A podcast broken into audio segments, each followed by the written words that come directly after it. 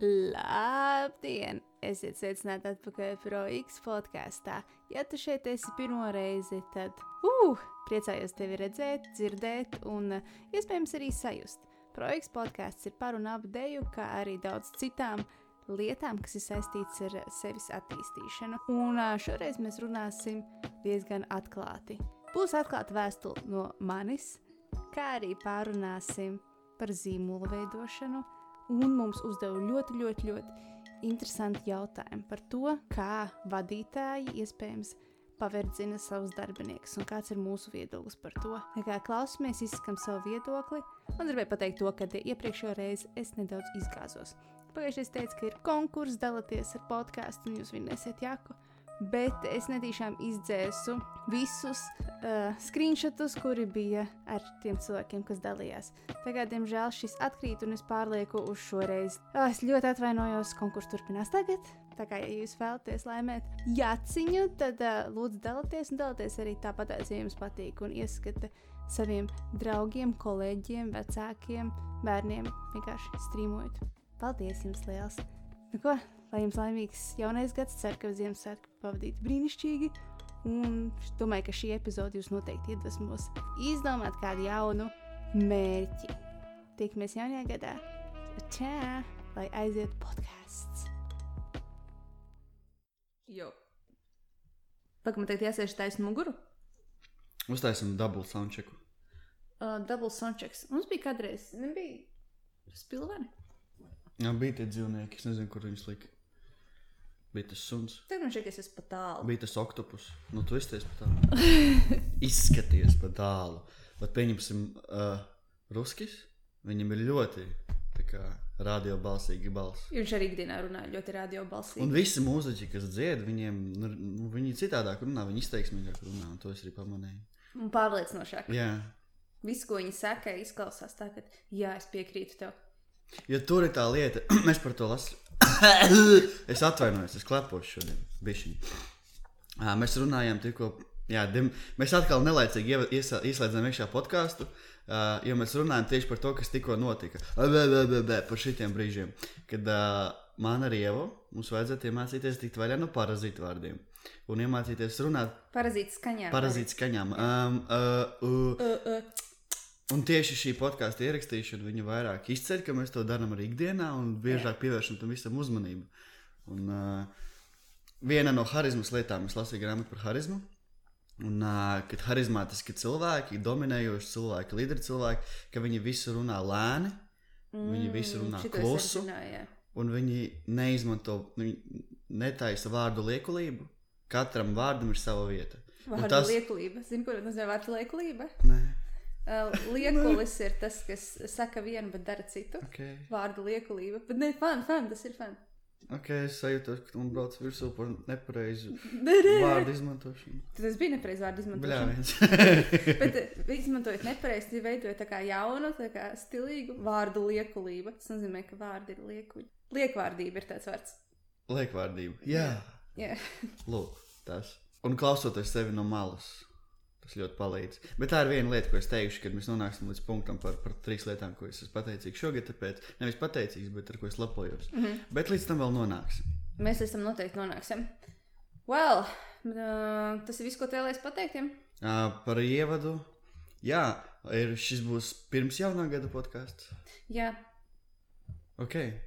Mēs sāksim ar jautājumu. Mēs saņēmām jautājumu ļoti interesantu. Es domāju, ka es neteikšu, kas to sūtīja. Vai ne?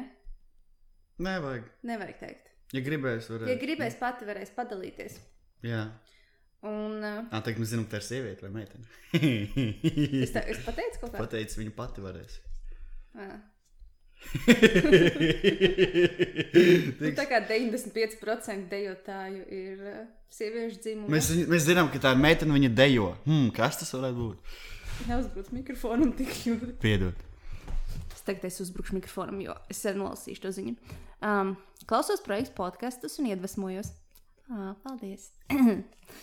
Gribētu uzdot jautājumu, un šis jautājums ir tāds komplicēts. Pasniedzējs ar savu mācāmo, tas ir jebkādā nozīmē dejotājs, skolotājs skolā, fitnes treneris un citi. Vai varbūt uh, tuvi draugi, ja ir liela gadu starpība? Jautāju šo jautājumu tāpēc, ka es uh, biju tādā situācijā, ka it kā mani izmantoja, un mana mamma teica, ka tomēr ir grūti būt draugiem ar vairāk gadu starpību. Jo dažreiz, ja tu esi jaunāks, tad jaunāko var vecākais paverdzināt un izmantot par labu sev. Man interesē paklausīties tev un Artūra. Un, ja vēl kāda viesdomas par šo tēmu, Zini, es tā klausoties šo jautājumu vēlreiz, man ir neskapēc aizdomas, ka tam cilvēkam ir bijusi tāda pati pieredze kā man. Ar to pašu cilvēku, par ko man bija pieredze. pastāsti. Jā, es nepieminēšu to šo cilvēku vārdā, mm -hmm. um, bet man bija ļoti līdzīga pieredze. Četrus mēnešus ar mani teiksim, tā manipulēja, un, uh, un es biju pilnīgi pārliecināts, ka es daru labu sev, daru labu pasaulē. Jo tie motīvi izklausījās ļoti krāsaini un ļoti pareizi, un, un bez mazliet kā var bez tā Es zinu, dzīvot. par ko tu runā. Okay. Jā, principā es nedarīju to. Jā, viens grūti tā teikt, grūti tā skaidrot cilvēkiem, nezinot to konkrēto stāstu, bet uh, es, es negribu runāt ļaunu par citiem.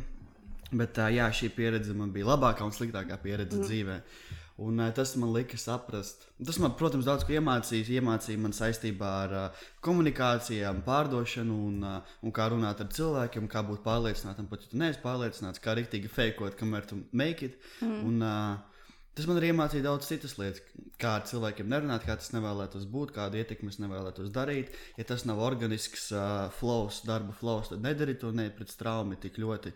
Kā, kā saka, ķipa, snowball efekts, kad, uh, kad uh, sniega bumba lido lejā no kalna. Mm -hmm. Tad es mēģināju to sniega bumbu milzīgo jau uztumt atpakaļ kalnā. Kaut kā, kaut kā galīgi neorganiski. Bet, uh, Bet kas man patika, pat, es nezināju, ka tā būs laba vai slikta pieredze, bet tas, kad es viņā ielikos ar 100%, un tāpēc es arī varēju vislielāko pieredzi no tā iegūt. Mm -hmm. Un uh, atbildot uz jautājumu par uh, lielu gadu starpību, pirmkārt, cik ir liela gada starpība? Vai tie ir 5, 10 vai 20 gadi? Uh, Es domāju, ka tas ir, piemēram, jo vecāki mēs kļūstam, jo tā gaisa starpība izlīdzinās. Jā.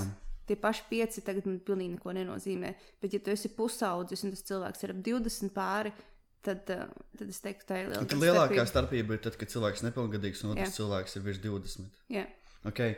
Um, savā laikā mums, mums uh, mēs esam pazīstami jau sešus gadus. Jā to es arī gribēju teikt, ka nu, Kad man arī ir mm. ļoti liela tiks, teiksim, gadu starpība, un tajā laikā, kad mēs iepazināmies, vairāk kā desmit. Ne?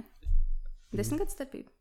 nu, cik man 23, tev 32, Ah, okay. no, no otras puses 23. 9, jā, jā, jā 9 gadi. Un, uh, tad, kad mēs iepazināmies, tad likās, nu, pilnīgi citādāk, tāpēc, kad es biju, mm. es biju nepilngadīgs, un tu biji, nu, boss, tu biji ieva, To bistuniece. paverdzināju. Tu man paverdzināji, jā, tu man skaloji smadzenes. Bet es to nejauku. manipulēji. Bet tas ir tas, ko cilvēki dara. Tas ir, tas ir neizbēgami. Divi cilvēki nepazīstami. Tas, tas, what, oh, tas, par ko runājam, slow down. Artur. Divi nepazīstami cilvēki sapazīstās, viņi sāk komunicēt. Protams, notiks apmaiņa. Tā nav jābūt ā, manipulācijai. Nu, tikai tajā gadījumā, ja otram cilvēkam no tevis kaut ko nevajag. Lai gan visbiežāk mums kaut ko vajag no citiem cilvēkiem. Jā, tā mēs pastāvam. Tāpēc it kā tā manipulācija notiek visu laiku. Mm. Bet kā viņi ir kaut kādā ziņā apusēji.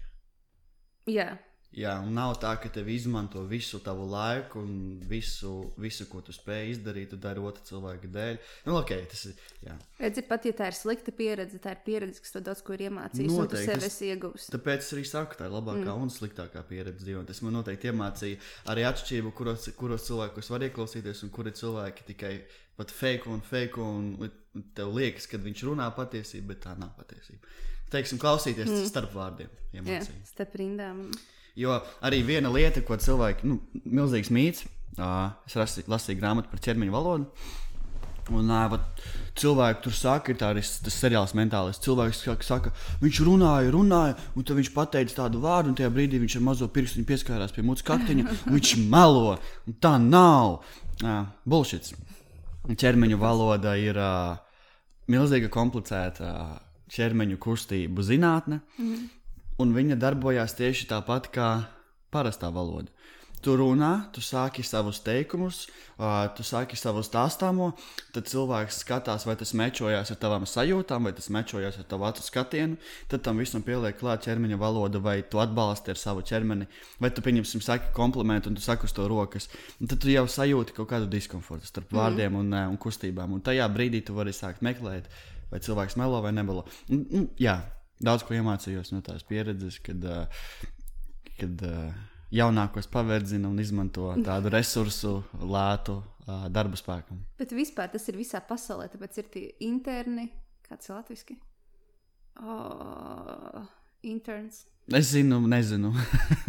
es nezinu, kā latviešu. Jo pirms tu sāc nopietni strādāt, tev noteikti iegūst uh, kaut kāda prakse, vai praksē Jā, kaut kur. Un tu strādā bez maksas, lai iegūtu to pieredzi un ierakstu CV, lai pēc tam tevi nopietnāk uzņemtu. Un praktiski, piemēram, ja pie manis nāk cilvēks, kuram nav pieredzes, viņam ir tikai gribēšana, es viņu mācu, es izmantoju savu laiku, lai viņu apmācītu. Līdz ar to Jā. viņš iegūst papildus zināšanas bez maksas. Jā. To daudz neaizdomājas. O, es tur iešu bez maksas strādāt, tad bez maksas kaut ko darīt. Bet tu iegūsti pieredzi, par kuru citādā gadījumā tev būtu jāmaksā. Un arī ir tas apgrieztais ci- cikls studenta pasaulē. Man vajag darbu, lai dabūtu pieredzi, bet man vajag pieredzi, lai dabūtu darbu. Jā. Tā kā kur sākt? Un viss sākās arī man tā bija. Mm. Nu, bezmaksas darbu. Tas ir vairāk Jā. educational process. Tāpēc ir jāsāk strādāt, kamēr tu esi skolā. Mm -hmm. Es iesaku vismaz kaut kādus mazus, sīkos darbiņus, vai kādam aiziet par asistentu. Kaut kur praksē, nevis sagaidīt, ka tev ir skola, tev plus ir jāstrādā kaut kādā veikalā, kas tev vispār nepatīk, un plus tev ir jādabū pieredze tajā darbā, kas tev patīk. Tad ir pārāk daudz un ātri var izdegt. Tāpēc laicīgi vajadzētu mm, Pakāpeniski tas ir. Jā. Tā ir atslēga, manuprāt. Jā, tieši tā, jo skolā mums būsim atklāti, mums ir diezgan vairāk laika nekā pēc tam. Ja tagad tā atskatās, jā, bet tajā laikā tā nelikās. nešķita, vai ne? Tāpēc, ka tā perception of time mm. mainās. Jā, Un, bet ir, es jums, es jums godīgi saku, jums ir laiks kaut vai tagad visa pasaule vispār ir sociālajiem tīkliem. Un padomājiet, varbūt jūs varat piestrādāt tiešām kādam taisīt ierakstus sociālajos tīklos. Ir Tagad darbs. arī, jā, Jā. man nepatīk Instagram, man nepatīk Facebook un TikToks. Tas viss ir jādara, ņemot vērā, ka mēs esam komerciālajā pasaulē. Tad uh, tagad ir ļoti aktīva vakance, kur uh, cilvēki reāli pilda tos promotion darbus. Mēs tagad esam tiktokeri. TikTok. Jau jau tu esi vairāk, tev 60 kā skatījumu, kā taisa skvats. Un es nepareizi taisu. Lai gan tur bija tas uh, teiciens, ka, ka tas ir Asian squat, ka tu maksimāli zemu iesēdies un tev neatraujas pēdas. Pēc tā es skatījos. Tad bija pilns komentāri. Tad tā es nepareizi, tāpēc tev sanāk. Un Tāds, ko? Ja es uztaisītu augstāk, man būtu vieglāk. jā. Vai ne? Man vismaz fiziski ir vieglāk. Vispār tas viss, Ok. okay. tas viss skvats, thing, tas ir, nu, nezinu, Tad, smieklīgi. Gan arī 60 kei skatījumi, kā es taisu skvatu. Mm. Un uh, es uztaisu baigi profesionālo Davidu, un tur ir 100 skatījumu Instagramā. jā, jā. Oh, tāpēc pasaule mūsdienās ir. Man šķiet, ka vispār nevajag neko vairs nopietni ņemt. Es pat nezinu, kur puses strādāt. Vienkārši mm. dari savu, to, kas tev patīk. Un, laikam, tik ļoti nepārdzīvot, un, uh, laikam, nepārdzīvot ir tas vārds. Kāds tāpat, kad vajadzēs ieraudzīs, un viss, uh, piemēram, tā filmēšana, ko es daru, tas tāpat kā ir mana pieredze, un tas, ko es nākotnē gribu darīt, noteikti atmaksāsies. Es pareizi pateicu teikumu. jā. Ja? Un arī savienojot divus jautājumus kopā par, par gadu starpību un par labu pieredzi, tad ir bijusi arī laba pieredze. un Es un Ieva esam piemērs par to. Un, un agrāk es biju rītīgākais students, un es daudz ko darīju bez maksas. un Man, es vispār, Mm, es sākotnēji, es, es nekad neatnācu es nekad neatnācu. Es neatnācu uz dēļu studiju projektu ar domu, ka es gribu pelnīt naudu, es gribu dejot, uzstāties, filmēties. Man tajā laikā nelikās vispār reāli, mm. ka kaut kas tāds varētu notikt. Tas vienkārši pats par sevi notika, jo rīktīgi patika tas process. Un uh, atskaites patīk. koncertā. Un patīk. Joprojām patīk. Jā. Pirmā atskaites koncertā visi tur improvizē ar tos polciņu dejo. Bet, nu, man nebija bail, man patīk. Un, uh, Bet mums arī patika. Bija ļoti labs atsauksmes. nē, cik jauki. Varētu atkārtot. Nē, es vairs neprotu tautas dejas dejo. Oh, Nedejoju. kā tāda 5 minūtes. Nu, jā, jā, jā, jā. Kā ar riteni braukt. Mēs atbildējām uz jautājumu. It kā. Bet tā, zini, kā ir tas, ko darīt. Viņi jūtās izmantot. Tā ir ļoti slikta sajūta. Jo es, es nojaušu situāciju, kāda ir. Un, uh, ja ir tā, kā es domāju, tad jā, viņi tiek izmantot. Okay, tagad tu tā pateici, ka es nezinu, ko tu domā. tu man liekas, tikai es pati klausīsies. O, oh, jā, es jau piekrītu. Neviens cits nesapratīs, par ko tu runāji. Praktiski, iedomājieties, ja cilvēkam ir sāpes, un viņš raksta, tas nozīmē, ka tas ir nopietni. Jā, Līdz ar to tur ir uh, trakāk nekā mēs te ākstamies. Jo mums prātā nekad varbūt neienāca Man nekad nav ienācis tā, ka man paverdzina. Ja man ir tā, tad es vienkārši aizēju prom no tās situācijas. Mm -hmm. Bet redziet, šeit viņi ir draugos ar to cilvēku. Es laikam neesmu nekad bijusi labos draugos ar cilvēku, kas man ir izmantojis. okay. Pat ja esmu, es ļoti uh, ātri izskaidroju. Man ir mūziķi tādi, kas grib to un to izskaidroju. Nu, jā, bet tas īstenībā nu, maksā. Jā. Okay. Viņi negrib zaudēt draudzību, bet uh, viņi negrib vairāk būt izmantoti. Tu, ne, tu nevari dabūt abas lietas. Var gan. Vienkārši ir jāizrunājas. Es domāju, ka visa pamatā ir tas, ko viņi, piemēram, mums raksta. Viņai vajadzētu arī nu, pateikt tam cilvēkam vienkārši skaidri acīs. Mm -hmm. Acīs, nevis uzrakstīt. Jā, ok. Nu jā, protams, pirmais vienmēr ir pamēģināt parunāt ar to cilvēku, ar kuru notiek konflikts. Jā, jo varbūt ir pārpratums. Jo es esmu bijis tādās situācijās, kad man, man pārmet par to, ka es kādu paverdzinu vai kādu manipulēju. Mm -hmm. Lai gan es tā nemaz neesmu domājusi, un cilvēks vienkārši nav novērtējis, ko es dodu pretī ar to. Jo es nekad pa brīvu tā, ka, nu, es neizmantoju kādu citu cilvēku pakalpojumu, pilnībā neko nedodu pretī. Vienmēr kaut ko es dodu telpas, es dodu reklāmu, vai es vienmēr kaut ko nopērku. Nu, vienmēr kaut kas ir tas, ka mainās. Es neticu tam, tai enerģijai, ka tu vienkārši paņem. Vienmēr vajag būt kaut kādai atgriezeniskai saitei. Un ir cilvēki, kas pārprot to un ir iedomājušies, ka jā, tagad, nu, kaut kāds ego. Es ļoti labi. Jā, um, viena in, piece of information no tāda mūsdienu mistiķa, Sadguru no YouTube. Viņam ir. Uh, Iesaku paklausīties ļoti interesantas uh, labdarības kampaņas, viss ir veidots non-profit mm, uzņēmējdarbībā, un cilvēki paši ir veltīti. Vat, cilvēki varētu teikt, ka viņš manipulē ar citiem cilvēkiem, jo viņš pasniedz realitātes uh, definīcijas citādākā gaisotnē, un cilvēks uzreiz vēlās būt viņam blakus, jo viņš mm. grib dzīvot, teiksim, brīvu dzīvi, kādu reklamē pats atguru. Ja viņš ir teiksim, mistiķis, kas līdzinās budai, kas, uh, kas ir sapratis, tur, kā lietas mm. strādā, tad uh, viņam ir tūkstošiem cilvēku, kas strādā ne viņa labā, bet ar viņu, un viņi mm. visi non-profit veidā tā tur. Taisa meditācijas laukumus, tur visi mm. gaidu uh, vācās kopā mm. un nu, dzīvo tādā konkrētā vietā. Un, uh, viņš ir izteicis tādu lietu, kas ir diezgan loģiska lieta, kad uh, cilvēks neskatās ar acīm. Acis ir tikai logi, ir kaut kas, kas aiz, tām, aiz tiem logiem sēž un skatās. Tātad acis nav tas, kas uztver visu pasauli, mūsu piecas maņas, bet kaut kas tas kopējais avots, kas transformē to informāciju, ko uztver mūsu piecas maņas.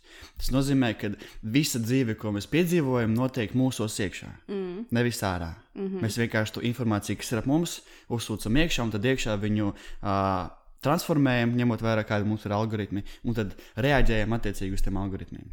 Mm -hmm. Un, uh, ko es gribēju ar to pateikt? Kad, uh, Protams, ir neizbēgamas situācijas, kur te uzbrūk uz ielas, kur notiek dabas katastrofa, kur tu nevari neko fiziski tagad ietekmēt. Bet ikdienišķās situācijās, komunicējot ar cilvēkiem, kur tas viss neiet pāri teiksim, tādiem norma normatīviem likumiem, tā kā tikai tu un vienīgi tu esi atbildīgs par to, kā tu uztver informāciju. Cilvēks mm -hmm. var teikt, ko viņš grib.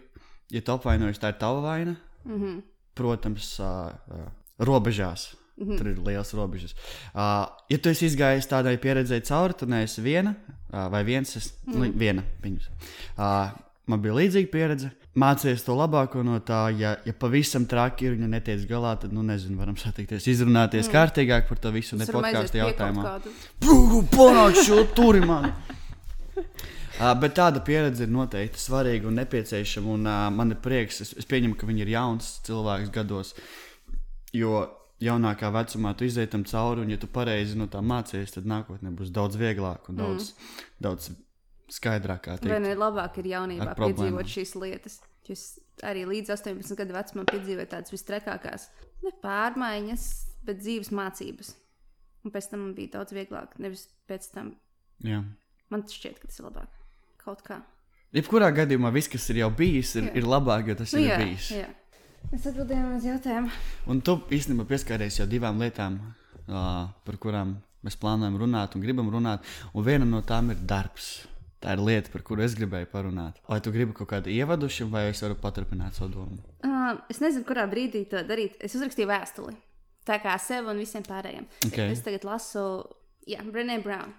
Un uh, tur ir tā, ka tieši par līderiem, ka dare to be leader, something mm -hmm. like that. Uzdrīksties būt līderis. Kāpēc es pēkšņi aizmirsu nosaukumu? Es neesmu kārtībā. zinājis. Anyway, un tur bija, jā, tur bija viens no ieteikumiem uh, uzrakstīt patiesu vēstuli uh, sev un to nolasīt it kā saviem darbiniekiem, vai nosūtīt saviem darbiniekiem, vai runāt ar viņiem. Mm -hmm. Un es iedomājos, ka uh, uzrakstīju par projektu, un tieši dekādas beigās apdomāju visu, kas ir noticis desmit gados, kā es jūtos pēc tā, kādas kļūdas esmu pieļāvusi, un kā es tagad iešu nākamajā dekādē iekšā es sarakstīju tajā vēstulē. Tas ir tas, ko tu mums stāstīsi, ka mēs tiksimies visi. Nē, to es tagad gribu. Ah, tu tagad gribi, tad droši teikt, Es ka tagad gribu. Jo tas ir daudz plašāk. Tie cilvēki, kas man tagad ir apkārt, man šķiet, ka jūs mani saprotat. Okay. Un ir daudz cilvēku, kas ir aizgājuši projām, kas man nesaprot. Ah, ir Jo kāds ir- no tāda cilvēka, kas Jā. desmit gadu laikā aizgājis Jā. cauri šiem un varbūt kaut kā misinterpretojis. Jā. Tad tu tagad izskaidrosi to Clean, clean day. Jā, Ok, davai. es uztraucos. Ah, davai, uztraucies. Pareizi, uztraucies. Tu kāpēc tu sāc uztraukties? Es neuztraucos. Tu aizslēdzies vienkārši. Es stuck in myself. Mm -hmm. Es iekārtojos. Ok, tas gatavs. Jā. Kaut kas ir rīktīgi ārā nokrita. Ok, viņi ir. Uh... Angels. Lucifer. Ah! Minūtes tā. Ir laiks izrādēt. Atnāk, davai. Oi, cik daudz. Nu, tur ir tā, ka. mm, Ir desmit gadi tomēr pagājuši. Jā. Nē, no studiju man ir em, 13 gadus. Mēs iesim tagad nākamgad 14. gadā. Un es tieši jā, koncentrējos uz šiem desmit gadiem. Man jau tur arī ir bijis šķiet iepriekš. Eitros, stāv. Davai. Atbalstam ievu. Aplaudējiet. Tātad atklāta vēstule par manu darbību un dekādi. Ir grūti nostāties cilvēku priekšā un atklāt savas vājās puses, it īpaši, ja tu esi līderis. Es kļuvu līderi labprātīgi, bez iepriekšējas apmācības. Es zināju tikai vienu. Man ir ideja, tā strādā uz mani, un es ticu, ka tā var strādāt arī uz citiem. Mans pirmais mērķis bija palīdzēt. Šajā biznesā un dēļ pasaulē iegāju ar šaurām zināšanām un plašu sirdi. Zinu droši, ka viens no manu uzņēmumu pastāvēšanas iemesliem ir tīra mīlestība pret manu darbu, kas ļauj pārvarēt grūtības. Es to iesāku viena, un katrs cilvēks, kas nāca un gāja, man ir iemācījis kaut ko jaunu. Ar diezgan lielu naivumu metos iekšā uzticībā, un katrs trieciens man padarīja stiprāku un, diemžēl, noslēgtāku. Es piedodu visiem, arī tiem, kuri pat nezina, ka ir man nodarījuši pāri. Es atvainojos visiem, kuriem es esmu nodarījis pāri. No manas pasaules skatu punkta es neesmu apzinājis, apzināti darījis kādam pāri, bet zinu, ka ir cilvēki, kuri personīgi ir pieņēmuši manu būtību, kas tos ir sāpinājis. Es nekad nevēlos kādam justies mazākam vai nevajadzīgam. Tas noteikti nav manā apziņā. Apzinu savus mīnusus un strādāju ar tiem. Man ir grūtības uzticēt kādam kādu pienākumu, jo pieredze man ir pierādījusi, ka cilvēki piečkarē. Un es zinu, ka ne visi, bet daudzi, diemžēl daudzi. Man pārmet, ka neizrunāju sasāpējušas lietas un neesmu atklāta, bet tad, kad esmu, tiek nodota. Varbūt es tikai to uzskatu par nodevību. Man ir nenormāla vājība uz kontroli. Man visu vajag kontrolēt, tāpēc mācos palaist vaļā. Man ir bail kaut ko nokavēt, man ir bail neattīstīties līdz laikam, man ir bail būt sliktākai nekā citi. Man ir bail, ko par mani padomās, man ir bail nepārspēt savus panākumus.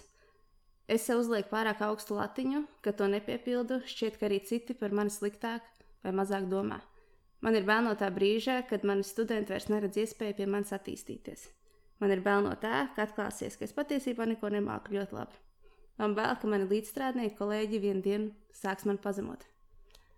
Man nav bail būt patiesai, man nav bail izteikt viedokli, man nav bail smagi strādāt un mācīties, lai es varu dalīties ar pasauli. Man nav bail ielaist jaunus cilvēkus savā dzīvē, un man nav bail tos izlaist ārā no līgstas. Man nav bail mācīt un runāt, man nav bail sapņot vairāk un radīt jaunas idejas. Man nav bail nomirt, jo esmu jau sasniegusi desmit reizes vairāk nekā es jebkad būtu sapņojis. Pirms trīs gadiem biju nolēmusi pamest studiju un valsti. Pirms pusotra gada vēl nezināju, vai man būs lemts sagaidīt 2020. gadu. Bet visi šie zigzagi man ir atveduši te un tagad. Es nespēju iedomāties vēl labāku dekādas noslēgumu, mierā, sadicībā un pārliecībā, ka nākotne būs spoža. Ļoti skaidri redzu ceļu, pa kuru man jādodas tālāk. Jau gadiem tiku virzīta tur, bet ikdiena šīs zīmes nomāca. Mana nākotne ir enerģijas apzināšana, attīstība, elpa, miers, meditācija, attīrīšanās, augstums, rudīšanās, prāta programmēšana un caur šo joprojām palīdzēšana cilvēkiem un, protams, dēļ. Un, lai kādas būtu līderi, ir jāsaprot, ka es arī esmu cilvēks, tikai pacietību. Apsolu, ka ar katru dienu kļūšu labāk. Joprojām ar plašu sirdi, teikt arī ar plašām zināšanām. Paldies maniem dzīves skolotājiem, jums, jebkuram, kur esmu satikusi, lai nākamā dekāde mums piedzīvojumiem pilna. Nu, tā bija uh, kaila atzīšanās. Jā, yeah. jo daudz da, uzskata, ka līderi ir pār cilvēkiem vai kaut kas ārpus cilvēka. You know. Kas definē līderi? Kas definē līderi? Tā kā tu iesi pa ielu, tad tu. Līdera ne... definīcija. Ja? Tur arī ieraudzīs desmit cilvēku skatus, un tu varēsi uzreiz pateikt, ka, Jā. kurš, kurš uzņemās, kurš ir līderis un kurš nav. Mm, Man liekas, tieši uzņemšanās ir tas galvenais. jā, tu uzņemies, jo bail ir visiem. Jā. Nav tā, ka viņi ir bezbailīgi. Nav arī tā, ka viņi ir pašpārliecināti. Bet viņi ir pārliecināti, ka viņi var būt līderi. Nevis pārliecināti par to, ko viņi dara. Tu, tu minēji, ka uh, uz jauno dekādi tev mērķi ir elpošana, prāta mm. programmēšana un šādas lietas. Cik tu ilgi viņas dari un, un kāpēc tagad, un, un ko tu darīji pirms tam? Es to vienmēr neapzināti esmu darījusi, bet tagad es gribu konkrētāk. Tā ir dabiska lieta, ko mēs visi darām. Mēs visi elpojam, mēs visi esam augstumā. Mēs visi domājam. Mēs visi domājam, jā, man gribās. Tas prasās. Man ir daudz dziednieku teikuši, ka man ir, tāda enerģija, ka es varētu to darīt. Mm Mm. Un es vienmēr tādu, ko tad es? Es taču nevaru. Bet eh, visas dzīves situācijas man ir nodušas līdz tam, ka, nu, kur vēl ilgāk. Jo es saku, pirms gada es vēl nezināju, vai es sagaidīšu 2020. gadu. Bija tāda iespēja, ka nesagaidīšu. Tāpēc tāds okay. ir iemesls, kāpēc es palieku. Jā. Jā. Ai, cik dramatiski. Ko Tas publiski teikusi tieši? par iemeslu, kāpēc varētu nesagaidīt 20. Jā. Ah, okay. Tas man nesaku Instagramā. Sekoju, nu, es nelasu visus tos postus. Es ar tevi runāju ikdienā. Okay. Es zinu visu. nu, Man dažreiz ir vieglāk uzrakstīt nekā runāt. Noteikti vieglāk ir uzrakstīt domas, nelidot. Tu vari konkrētāk izteikties, Mhm. mm. izmantot pareizus vārdus. Jā. Es starp citu šeit neko nelaboju. Es parasti, kad rakstu, es daudz nu, laboju, bet mm. -hmm. šito es uzrakstīju bez jebkādas labošanas. Vot, viena, uh, atkal, turpinot tēmu, es gribēju par darbu parunāt, bet par, par Jā. to bišķi vēlāk. Visas lietas, ko tu nosauci, elpošana, un mm -hmm. tā programmēšana, un, un uh, līderība, un tās visas lietas, nu, tās nav lietas, ko mums mācīja skolā. O, pilnīgi nekas no tā, ko es nosaucu, to nemācu skolā. Tieši tā. Un, uh, es zinu, kā tu pie viņām esi nonākusi, un es redzu, kāpēc viņas ir tavā ikdienā. Un, kā mēs iepriekš runājām, ka tie visi ir tūli, jeb tie ir darba rīki, mm -hmm. kā var uzlabot savu ikdienu, kā var virzieties saviem mērķiem, kas palīdz, kas vienkārši palīdz. Mm. Un uh, ir miljoniem, tūkstošiem veidu, ko darīt, kā darīt. Un, uh, Atkal ir apstiprinājies pieņēmums, ja man palīdz, tas nenozīmē, ka obligāti arī tev palīdzēs. Jā. Jo cik reizes es pie tevis neesmu vērsies, tad, o, es redzēju šo video, noskaties, viņu nu, vienkārši man tāds hype ir. Un tu tā kā, jā, jā, bet tu nenosties. Un tad es apvainojos uz to. Un uh, man ilgs laiks Un pagāja. otrādāk. Man otrādi. Un man ilgs laiks ir panā, pagājis, kamēr es sapratu, ka, uh, kad mēs nonākam, nezinu, ikdienā kaut kādā konkrētā vietā, laikā, un kad mēs saņemam to the correct, the, right piece of information, kas mums dod nu, tādu hype, mums dod tādu enerģiju, ka tas atbild uz mūsu kaut kādu globālo jautājumu, un mēs, mēs jūtam vat, to enerģiju, mēs gribam ar visiem dalīties, mēs gribam visiem pastāstīt. Jā. Un bieži vien tā aplausies, ka, ah, to es jau dzirdēju, tas ir vecs kvots, vai arī man tas nepalīdzēja, bullshit, vai arī, jā, šis ir forši, bet man tagad tas nav raksturīgi. Es pilnīgi gribu izstāstīt, ka, ka es sadusmoju savu brāli. Stāstīs. Es tagad varu ātri. Jā, droši, droši, droši. Es viņam arī stāstu par elpošanu, Vimhop metodi. Un viņam ir tāds, bet paga, tad, tad vīrieši vairāk elpo caur vēderu, bet sievietes vairāk caur krūškurvi. Kā vēl var elpot? Tā, nē, tu vienkārši elpo. Bet kā, bet es elpoju, kāpēc man ir jādara kaut kas vēl cits? Mm -hmm. Un ir šī tāds, un viņš arī nesaprata, kāpēc, ka ar vingrinājumiem tā, bet, es elpoju taču. nu, lūk, un, un tas, ir, tas, ir, tas ir tas moments, kas mūs triggero. Bet cik katrs cilvēks ir gatavs un cik viņam ir vispār nepieciešams mm. darīt kaut kādas konkrētas lietas. Un pirms mēs runājam par elpošanu, es gribu te pajautāt tādu lietu. Es uh, grāmatas. Mm -hmm. Ļoti spēcīgs tools, kas ir saglabājies jau ilgāk nekā mēs vispār esam. Un būs vēl, lai ko jūs teiktu, ka vairāk nebūs grāmatas, būs. Kāpēc grāmatām ir tik milzīgs spēks? Kāpēc cilvēks, kurš uzraksta ar roku vai jau tipogrāfiski uz balta papīra melnus burtus, un kāpēc cits cilvēks, kas to lasa, kāpēc tas dod tik spēcīgu influenci? Wow, es nezinu. Kāpēc reliģija, dievs un tas vispārējais, tas pastāv jau nu, tūkstošu, tūkstošu gadiem klostra, baznīcas. Un arī mēs tik ļoti apzināmies, okay. pagaidu un aktuāli runājam par to, kā, kā, kā šīs visas biedrības, kas patiesībā nav reliģiskas biedrības, bet sektas, kas, kas slēpjas zem reliģijas, ka viņas mūs visas ar mums manipulē un cilvēki par to runā ikdienā, un cilvēki to pamana, bet joprojām viņas pastāv. Un, uh, Negribu viņus pielīdzināt grāmatām, bet grāmatām ir tikpat nu, milzīgs spēks. Viņas nu, manuskripti, papīri, tas viss jau tūkstošiem gadiem pastāv, un tas joprojām strādā. Pat tagad, kamēr ir datori, nu, grāmatas ir super aktuāla lieta. No kurienes veidojas tas spēks? Es, es iedomājos pēc sevis. Tad, kad es paņemu grāmatu rokā, man ir tāda sajūta, ka es vienkārši nokļūstu citā dimensijā. Tā ir mana atsevišķā, mana perfektā dimensija, kur es lasu, un uh, mēs grāmatā vienmēr lasām sevi Jo katrs uh, izlasīs kaut ko citu vienā un tajā pašā grāmatā. Simts reizes pierādījies, jā. Protams. Lai gan mēs lasījām vienu grāmatu, tas bija viens tas pats. Mums ir viena grāmata, kas visiem ir viena to pašu mēsīču. Uh, tad, vienkārši tas, ka tu viņu cūri rokā, mēs vispār cilvēki esam radīti tam, lai mēs izmantotu uh, nevis āršķirīgas lietas, bet mums vajag just to, ko mēs darām. Mēs ar datoru tā nejūtam. Jā. Pēc tam vajag paņemt to nu, tas uzreiz pierādās arī uz visiem fancy restorāniem, mm. ka cilvēks sēž arī ar acīm un ar degunu. Kāpēc tādā tas eksperiments, ka tev aizspiež degunu, te liek pagaršot kaut kādu lietu, un tu nevari atpazīt, kas tā par lietu, tu neesi redzējis.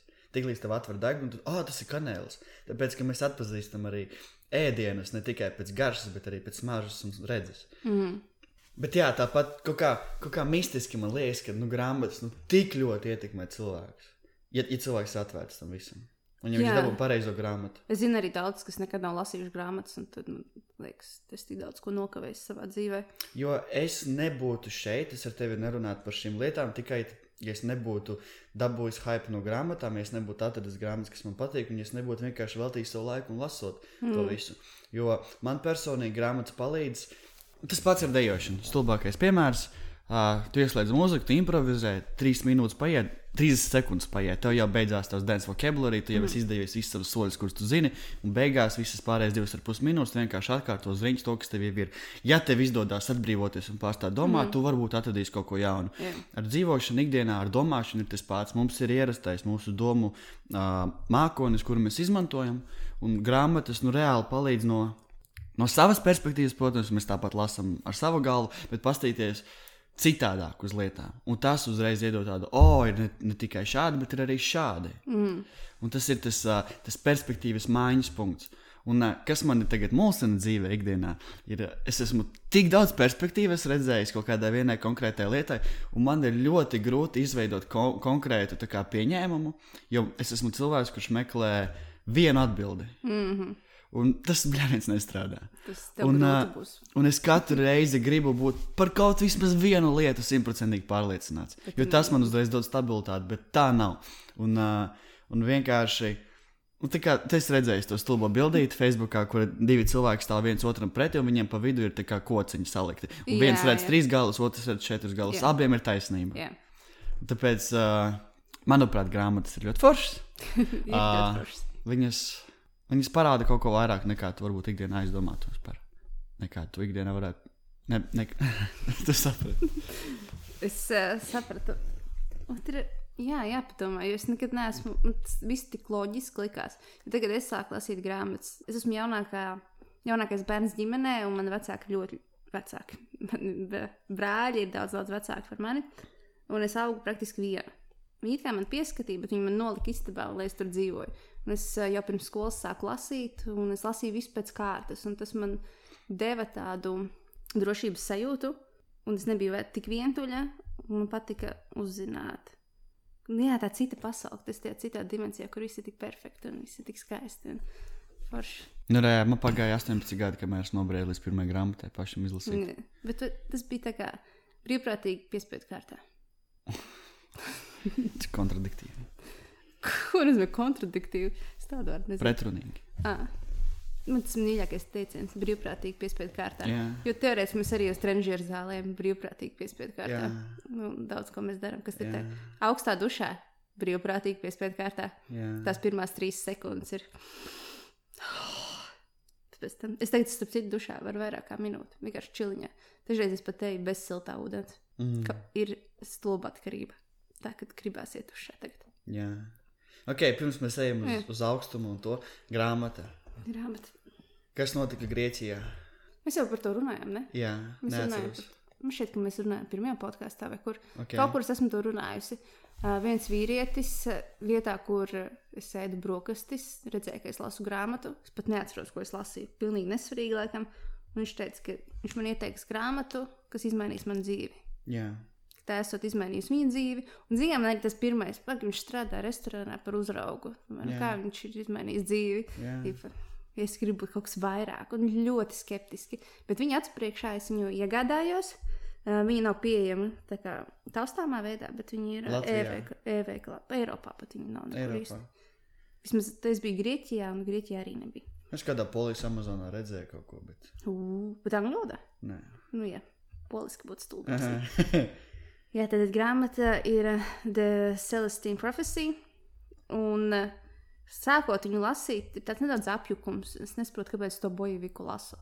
Jā, Man bija diezgan ilga tāda sajūta, un es gāju pretrunā ar sevi. Man ļoti patika tas, ko es izlasu, un tas mainīja daudz perspektīvas, tā kā es redzu dzīvi, un tajā pašā laikā tas apstiprināja daudz ko, ko es esmu domājis zemapziņā jā. kā, kā kas strādā, kā pasaule mainās. Un ka mēs vairs neesam roboti, bet mēs esam ļoti enerģi, enerģētiskas būtnes, un visas mūsu uh, domas, un kā mēs sevi nostādām, tas ietekmē arī apkārtējos. Un apkārtēji var ietekte, ietekmēt arī mūs. Un, uh, jā, man ļoti nepatika, kādā veidā tā grāmata ir uzrakstīta, bet man ļoti patika mesiķis. Bet tagad es jau esmu samierinājusies ar to, kā viņa ir uzrakstīta. Es, man jau pārgāja tas besis. Nu, re, un pretēji tam man ar Kristapu mēs arī izlasījām pēc ievas uh, uzaicinājumu to grāmatu. Uh, man netraucēja grāmatas bērnišķīgums, un man viss kopumā ļoti patika. un Praktiski viņi ir jeb, jebkuram cilvēkam, jūs izlasīsiet, un jūs sapratīsiet. Tas ir tik brutāli sejā ielikts, kas Jā. tur ir rakstīts. Bet atkal, uh, patreiz šī ir numur viens grāmata, kur es visiem iesaku lasīt. Pēc cilvēkiem, kurus es nepazīstu, vienkārši small talk aiziet uz pāris minūtēm, un es vienmēr iesaku. Es arī. Un uh, atkal tas ir tools, kas man ar Ievu un Kristofru ir patreiz palīdzējis, un arī Baiba tagad, cik saprotu, lasa un, un bauda to visu profesiju. Es uh, daudziem esmu. Es ir daudz vēl cilvēku, kas lasa. Bet es zinu, ir jāpārkāp tam pirmajam Jā. pāri. Tur ir tas sākums, tā ka Jo es arī, es, es tikko es sāku lasīt pirmās 30 lapas, es nu tā 50-50 turpināt, jā, turpināt. jo tur ir bojeviks. Jā. Kaut kāds tipa ne romāns vai kas. Tas dīvains detektīvs kaut kur brauc, kaut ko meklē, Jā. kaut kur uzaicina, un tad parādās. sieviete parādās, un tad tas. Un O, oh, bullshit drāma, cik var sievietes vīrieši. Oh. Bet, uh, jā, Bet jā, confusing. es izaicinātu cilvēkus, kas grib pamēģināt, grib palasīt un grib sajust to hype, ko mēs jūtam par to Jā. grāmatu, ir tikt līdz trešajam insightam. Uh, grāmata pirmā ir par deviņiem insightiem. Es neskaidrošu, kas tas ir un kāpēc tā, negribu spoilot. Bet, ja jūs tiksiet līdz trešajam insightam, kas ir, man liekas, pirmajās 50 lapas pusēs, tad uh, viņš tas bija tas turning point, kad es I got really hooked. Un tad man gribējās mm. maksimāli ātri visu. Es tagad uh, lasu vēlreiz, un es esmu daudz ko palaidis garām. Jā, No- noteikti. No, no tas. tā, kad man nepatika, kā ir uzrakstīts, es iespējams zem, nu, kaut kā pavirši lasīju, un tagad es daudz dziļāk lasu, un man ir tāds, wow, īstenībā nav nemaz tik slikti uzrakstīts. Mm -hmm. Man arī ir ļoti interesanti. Tā, kā, tā grāmata, viņa nav par programmēšanu, un tas, tas kas man fascinē, ka viņa uh, tika uzrakstīta pirms vēl 9-11 notika. tā kā pagāja- 80. gadu beigas, 90. gadu sākums. Ļoti, kas ļoti tāds, jā. salīdzinoši sen. Kad es augu, es nedzirdēju neko par tādu tipu movementu dzīvē, par enerģijām. Vispār, Un, Ka tas vispār, jā. eksistē jau tad, man tāds, wow! Es domāju, tajos laikos cilvēkiem noteikti bija. Cik tāds, skeptiski visus tos, kad rasisms vēl bija aktuāls. Kādas enerģijas, kā, kā, kas, Jā. kas no tā visa vispār? Un, re, un cik dīvaini redzēt, ka tiešām tā arī notiek apkārt pasaulē. Mm. Mm, Tas, kā viņš uzrakstīja, tā arī Rīktīgi atmošanās posms ir sācies. Jā, wow. Bet, bet tā ir no tām grāmatām, kur tu lasi, un tev ir tāds. Puf, Tā kā, ak, Dievs, tā tiešām ir. Ja, ja mēs, mēs būtu izlasījuši tos 90. gados, apzināti un tagad izlasot. Tie domājas, ja mēs tad izlasītu, un ja mēs būtu skeptiski, un tagad mēs izlasītu, tad citām acīm skatītos, cik lielāks uh, efekts no tā visa būtu. Jā. Nē, nu, redz, viss nāk savā laikā, tad, kad tam ir nepieciešams nākt. Un tas vat, arī par līderu īpašībām runājot, tas tā ir vis arī viena no spēcīgākajām neformācijām, bet domām, kas man visu laiku galvā ir. Tā kā vienalga, kas notiek, bet es esmu pārliecināts, ka I will get there, tur, mm. kur ir jānokļūst. Un uh, man bija problēma ar overthinking Jā, visu laiku. Simts possible scenāriju, kā varētu viena situācija notikt. Un Noteikti 101. tā es nevarēju naktīs aizmigt. Tieši tā. Un, Pats tikko, jā, šī grāmata dod mieru. jā. Tā kā, nu, tiešām, jebkurš, jebkurš decision, uh, lēmums, ko tu pieņemsi, nu, viņš būs tas īstais un pareizais. Un ir tik daudz vieglāk dzīvot, ja tu tam tici. Jā, pat man tik daudz lietas sagāja kopā vienā laikā, ko es sāku darīt. Un es nevaru iz, izšķitināt, kas ir tas īstais, kas man deva mieru, bet laikam visu kop, nu, mm. -hmm. kopsavilkums. Gan tā grāmata, gan Vimhofs, gan ceļošana, gan meditācija, gan kaut kāda apzināšanās, afirmācijas. Oh, O, nu, re, ejam uz. Vimhofu. Tas Ejam arī, kas notika arī ar to Vimhofu. Tas notika arī vienā laikā, kad to grāmatu pabeidzu. Nākamais bija Vimhofs. Man bija Uzreiz. otrādāk. Mm. Man bija vispirms Vimhofs. Tātad Vimhofs ir viens uh, poļu. Uh, Viņš īstenībā ir Nīderlandietis. Es tagad lasu biogrāfiju. Viņš ir no Nīderlandes. Ok. Viņš dzīvo vienkārši viņš dzīvo Polijā. Polijā. Jā. Tas ir vīrietis, kurš ā, sadraudzējās ar augstumu un atrada visādus veidus, kā transformēt seklu elpošanu uz padziļinātāku elpošanu, kā aktivizēt uh, izdzīvošanas instinktus, kā ārstēt sevi no iekšas, izmantojot tikai elpu un vēl bla bla bla. Bet stāsts ne par to, bišķiņ, I wanna take it back. Es biju uz prāmi divus mēnešus, un tajā laika posmā man ievācūtīja video, kur ies teorija satikās ar Vimhofu tikai bija... vasarā to izdarīju. Uh, jā, Wow, es Kristupam čistu nosūtīju janvārī. ok, es Pusgads kad tas atnāca, pagājis. bet tas bija labu laiku atpakaļ. Ah, jā, pie Vinhovas sen jau uzzināju. Lūk, un uh, man pagāja mēnesis, kamēr es saņēmu vispār to video nostīties. Jo atkal tas bija tev kaut kas, kas tev dod rītīgu mm. hype, un tu gribēji ar visiem dalīties. Man tas nebija īstais laiks. Mm. Un uh, tieši kuģa laikā man notika tur sāpīta, un tad es atkal tādu sāku dziļi rakt sevi iekšā, un tad man vajadzēja kaut ko, ar ko novirzīt savas domas. Un tāds, oh, pagaidi, man taču jau kaut ko sūtīja. Un cik labi, ka es noskatījos to video, kā man palīdzēja Vimhofs tajā visā laikā. Un uh, tiešām tas bija tāds neizbēgams posms, kur uh, mana emocionāla līmenī, mans emociju līmenis bija tādā rollercoastā, ka tu vienu brīdi gribi nolikt no kuģa, otru brīdi tu nezini, vēl kaut ko citu gribi darīt. Un, nu, tu slikti jūties. Un uh, man ir prieks, ka es ievirzīju savu enerģiju tieši tajā visā, un es sāku pētīt, un es klausījos viņa dokumentālās filmas. Un, uh, tas, kas man atvēra acis, bija Russell Brand. Mm -hmm. uh, Britu aktieris, kurš uh, taisa arī savus talk shows. Un, Jā, viņam ar podkāstu. un viņam bija narkotika, nar narkotiskās uh, atkarības mm. problēmas un izgāja arī cauri, atvainojos, dirsai. Un, uh, tagad tiekās ar, arī ar ļoti talantīgiem un citādākiem cilvēkiem. Un viens no viņiem bija tieši šis Vimhofs. Un uh, tā stundu garā intervija man ļoti, ļoti palīdzēja un atvēra acis. Un, uh, kā tas līdz tevim nonāca? Uh, nu, pirmo reizi Vimhofu es uzzināju no tāda yes theory, un es sekoju līdzi yes theory. Uh, es pat nezinu, jau diezgan ilgi, divus gadus. Un tie ir uh, trīs puikas, eh, kas sevi met uh, diskomfortā. Un katru YouTube ir viņam kanāls, un uh, katru nedēļu tad viņiem ir jauns izaicinājums. Bet viss tas ir po pozitīvi. Nav tā, ka viņi visiem saka, ies tā kā tur kaut kādi, kas lec no jumta lejā, vai mm -hmm. nu, kā lai paskaidro. Viņi ir tādi super pozitīvi. Viņa bija vi- viena no tiem, kas Vim, uh, Vilam Smitam uh, challenge viņu izlikt no helikoptera ar gumiju. Mm -hmm. Tas bija tā kā tāds lielais, kā viņi palika slaveni vispār. Un es viņu satiku uh, pagājušajā gadā, novembrī. Tas bija tas, kā tu sagaidīji savu jauno gadu. Nē, tas bija novembris. Pagājušajā gadā, novembrī. Tas bija tā, ka es tikko biju atbraukusi Ah, ok. okay. uz Losandželosu. Un man atsūtīja, kad notiek ā, 4 no rīta vai 5 no rīta tikšanās, tur tādā, tādā kalnā, ka ejam ķipa, visi haikā, sagaidīt saulēktu. Un bija tāds, uh, yes, no, yes, no. Tas bija pāris stundas pirms, un es dzīvoju tā kā 40 minūšu braucienā. Bet 40 minūtes, iedomājieties, un tas ir rīktīgi sev. Tā kā cīnījos, tā kā celties agri pēc treniņiem, 8 stundas esmu dejojis. Ir fiziski ļoti grūti piecelties. Jā. Bet uh, es kaut kā nu, ļoti ar sevi strīdējos. Bija Jā. Fiziski tik grūti aizbraukt uz turieni.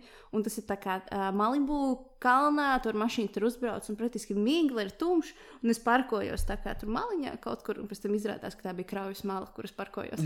Vienkārši 3-4 centimetri no tā. Un tur nav tā kā aizsardz barjeras, tur vienkārši kraujas mala. Tāds, ah, good to know.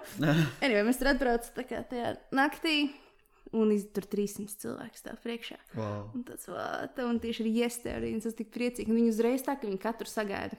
Nav tā, ka tu vienkārši aizēji un tu esi tur. Jā. Bet uh, viņi ļoti tā kā nāk virsū, un thanks for coming, un where, where are you from, un kāds par mums uzzināja, un tad viņi iet, un viņi, uh, tas haiks bija kāds 40 minūtes, un mēs gājām visi kopā, un uzreiz sapazinos ar cilvēkiem, uzreiz nu, pirmās divas minūtes eju viena pati, un viņi tā, jau tas viena pati, nāca mums. Mm -hmm. Tā es ieguvu jaunus draugus, un mēs joprojām uzturam kontaktus. Un, uh, Jā, tad mēs kāpām augšā, tad viņi arī jautā, kas ir tavs diskomforts, un viss ir tik iedvesmojoši, viss ir tik priecīgi, un skan mūzika, un mēs visi dejojam, un arī, kad mēs kāpām tajā pēdējā klintī, kas ir diezgan stāva, katrs no tie iestēri padeva visiem roku, visiem 300 cilvēkiem viņi padeva roku. Jā. Viņi gribēja to kontaktu ar katru, yeah. pateikties par to, ka jūs šeit esat, un tad mums bija tur uh, meditācija ar viņiem kopā, bija arī afirmācijas, dažādas spēles, kā mēs iepazīstamies viens ar otru, un, protams, arī filmēšana, to visu filmēja. Jā, mēs sagaidījām saulēktu, mēs dejojām, un mm. bija nenormāli fani. Tad bija batli, mēs tur nokāpām lejā, un tur aplī, un tur pa vienam gājām un dejojām. Un tieši tagad es gribēju iet dejot. Man ir tā kā viens no tiem creators, pagrūda iekšā, un es jau eju, bet pēkšņi visi tā kā iegāja tajā aplī. Nē. Bet tā gadījumā es biju pa vidu, un vienkārši visi virsū, un visi dejoši tādā nenormāli kratās. un Tāds, Nu, tad okay. tev vajadzēja dabūt vislielāko būstiņu. Oh, Es, es, es joprojām jūtu to būstu. Jā. Man joprojām ir tā, ka es to atceros. Wow, kad pastāv tādi cilvēki, un tad, kad atrodies tādā environment, kur ir līdzīgi domājoši, liekas, ka viss ir iespējams. Mm -hmm. Tāpēc man dažreiz Latvijā, mm, bieži Latvijā ir grūti, jo latvieši reti, kad tic, ka viss ir iespējams. Bet tur viņi tiešām, lai gan viņi varbūt ir naivi un fake, bet viņi nāk ar to enerģiju, ka viss ir iespējams. okay. Un uh, Fake it till you make it. fake it till you make it.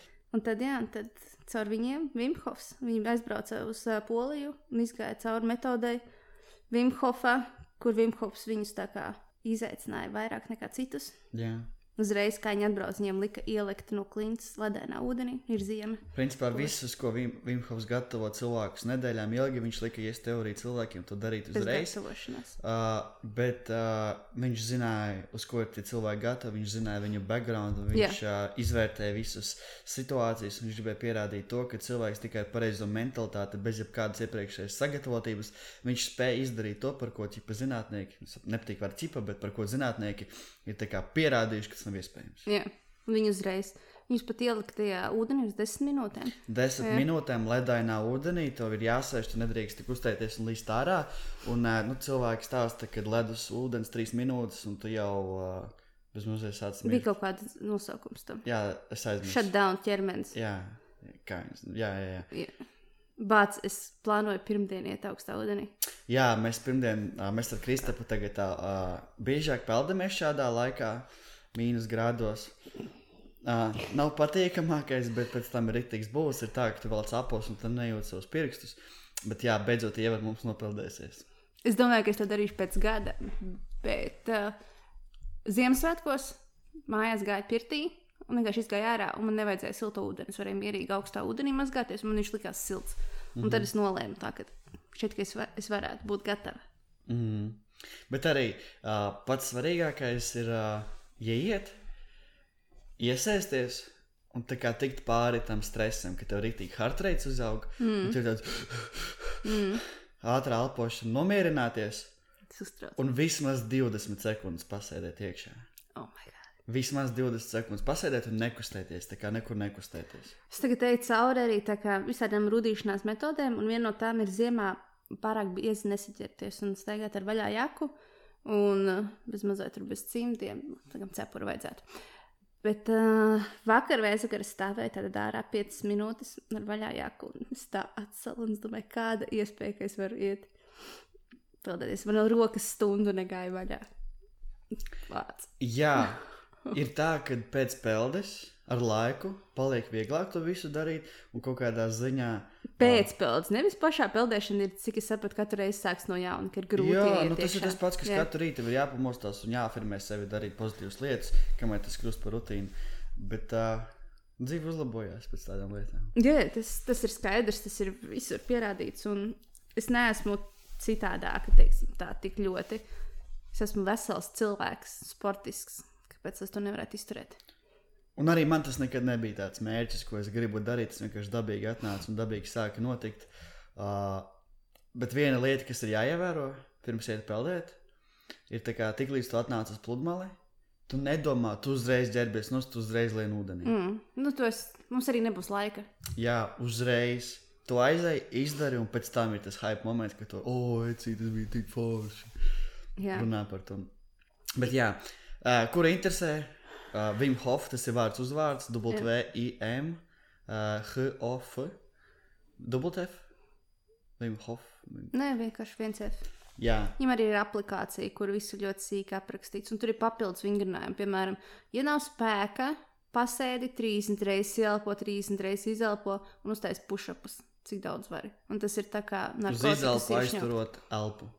Uz iz- ā, Jā, aizturot elpu, nepateicu. Jā, Aizturot elpu, pušapus. Un tas visu ķermeni tā kā atmodina visu līdz dziļākajiem kaktiņiem. Tu esi izmēģinājis? Nē, joprojām neesmu to izmēģinājis, bet uh, no malas klausoties, manī arī pat tagad slēdzas uzreiz skeptiskais cilvēciņš iekšā. Kā, nu, ko es dzirdu no malas, ir tu ielpo, izelpo, uztais kaut ko. Tā kā, nu, cik reizes ir dzirdēts, tur meditācijas mm. kaut ko līdzīgu mācīt, kāpēc, kāpēc, kāpēc. Šī ir vienīgā feature, ko jebkad dzīvē esmu mēģinājis, kas dod uzreiz kā fiziskas sajūtas, mm -hmm. ka tu jūti reāli, kā tev viss iekšā mainās un uzlādējās. Kā uzburbuļo. Reāli, vat tā kā. Vai tā kā ir elektrība? Vat jūs visi esat atcetuši vismaz vienreiz dzīvē elkoni tajā rakursā, kad, mm. nervi, kad tu trāpi par nervu un tev visa, visa roka kļūst nama. Viņa kļūst mm. nejūtīga, jūst. Viņa kļūst nejūtīga un viņa tā kā ar tādām dzirkstelītēm no iekšas. Uh, Sistos un mm. uzlādētos. Tad tas ir tas, ko tu panāc ar to elpošanas metodi visā ķermenī. Un uh, īsumā metode darbojas uz to, ka tu ielpo vairāk gaisa nekā tu izelpo, un tādā veidā tu uzlādē savu ķermeni no iekšas, un viņš ir spējīgāks izturēt augstumu, un viņš ir spējīgāks sildīt sevi no iekšas. Mm. Ja tas, ko mēs darām ikdienā, mums ir augsti, mēs liekam slāņus No slāņus ārpuses. ar augstām, ar, ar siltām drēbēm mm. no āras. Tad Vinhops māca, kā to visu sildīšanu darīt no iekšas. Un viņš ir arī to pierādījis ar uh, pasaules rekordu, kur viņš noturējis vairāk nekā stundu, ar ko ledainā ūdenī, kur vislabāk tiek pie, piebērts ledus, un kad viņa iekšējā temperatūra bija nemainīga. Tā kā crazy lieta, par ko agrāk Tas, cilvēki. tad viņš nav vienīgais. To daudz cilvēku pēc tam dara. Jā. Tagad ir tāda uh, Vimhop kustība, kur dabūt gan certifikātus un vienkārši doties visos nepārgājienos, bet uh, apmācībās, Jā, semināros kopā ar viņu. Tas zvanīs slēgt telefons. nē, man kāds raksta visu laiku. Ā, ā.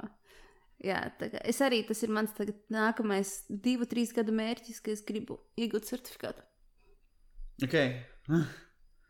Tas ir pirmkārt ļoti dārgi. Mums ir Latvijā kāds ar tādu? Jā, Jau ir. jā. Māris Žunda, laikam viņam tāds uzvārds. Viņam ir arī sava mājaslapa rudīšanās skola.lv. Mm -hmm. Pārbaudīt. Jūs gribat sākt tā kā pa bišķītiņiem? Starp citu, par ledus, par, par augstām Ā, nē, peldēm. uzdrošinies.lv. Par augstām peldēm man pirmā reize, pati pirmā reize bija ziemā, Aliņģī. Tā kā visaugstākajā laikā, kas var būt pa sniegu, vai kā pledainā ūdenī. Tā kā es to nedarīju pakāpeniski, es vienkārši biju, nezinu, vai stulbs vai kā. Bet es uzreiz, Nedaudz cilvēku tā dara. es Kas... uzreiz ielicu visaugstākajā ūdenī, un tad es tā pakāpeniski no tā brīža sāku to biežāk un biežāk darīt. Jā, ir rudīšanās skola LV, un tur var pieteikties arī apmācībā, un viņi iet arī pārgājienā uz kaili ziemā. Jā, Jā, viņš ir dabūjis Vimkopas certifikātu. ok. Tā kā tas, un caur viņu man arī vajadzēs laikam iet un mēģināt. Un to elpošanu, to var mēģināt, to var praktizēt, klausoties YouTube. Uh, bet tādas ekstrēmākas lietas, kas ir tas, ko jau tikko aprakstīju, nu, vajadzētu saprātīgāk būt darīt. Jūs nedrīkstat vienu pašu Jā. vispār iet peldēties ledū. Tas ir Vienmēr ir vismaz pilnīgi- viens cilvēks. ba- Un, blakus. ja jums ir kaut kādas sirds slimības, nedrīkst, un bija vēl kaut kādas Mums ir it kā teorētiski pirms tam vajadzētu aprunāties ar ārstu. Jūs to varat darīt? Nu jā, bet arī tas ir Jā, tāds, bet, ņemot vērā, kas par ārstu, cik viņus var klausīties. Jā, ne, nu, ir cilvēkiem kaut kādas aritmijas vai Jā. nu, iedzimtas kaut kādas, kad labāk to nevajag darīt. Bet es, es esmu bijis pie ārstiem pietiekami. Tā kā vairāk klausiet savu intuīciju, ja yeah. jūs ticat, ka jūs varat un jums tas Tad palīdzēs, varēsiet tad darat. Jā, ja jūs totāli uzskatāt, tas nav priekš manis, tad nevajag. Nu, es pirms trīs mēnešiem teicu, ka tas vispār nav priekš manis. Es pat pirms divām nedēļām teicu, ka es šaubos, ka es iešu kādreiz peldēties augstumā.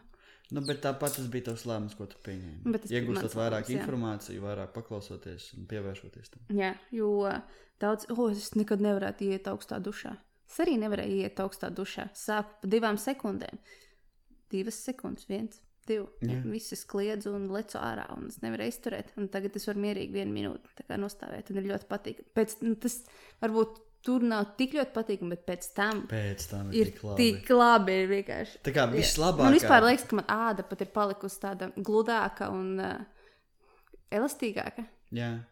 Ot, vislabā, ot, šis pierāda to faktu, kā, ja tev ir kaut kādas bailes, ja tu viņās iedziļinies, tad viņas pazūd. Ja tev ir mājās augsti un tagad ar to apkuri ir tā, kā ir, jo mm. temperatūra visu laiku mainās, to viņi atslēdz, mm. viņu pieslēdz, ka bieži vien mājās ir augsti. Jā, Un, ja, jūs, ja jums mājās ir augsti, un ja jūs vēl iesiet ledainā dušā, pēc tam jums būs daudz siltāk nekā, ja jūs iesiet karstā dušā, jūs izkausēties, izkausēs, izkausēsieties tajā karstajā ūdenī, un pēc tam izlīdīsiet ārā. atkal būs, būs augsti. atkal augstā. Tā kā ļoti palīdz. 30 sekundžu diskomforts, un jūs būs ļoti labi. Jā, ok. Es domāju, ka mēs varētu virzīties uz pēdējo par uh, pateicībām, par, par lep, lepošanos. Man īstenībā bija vēl viena tā svarīga tēma, ko es gribēju pirms jaunā gada izrunāt. Bet, Bet mēs jau esam stundu ar kaut ko in. jā, Kā tev? Nē, nu mēs varam močīt, noteikti.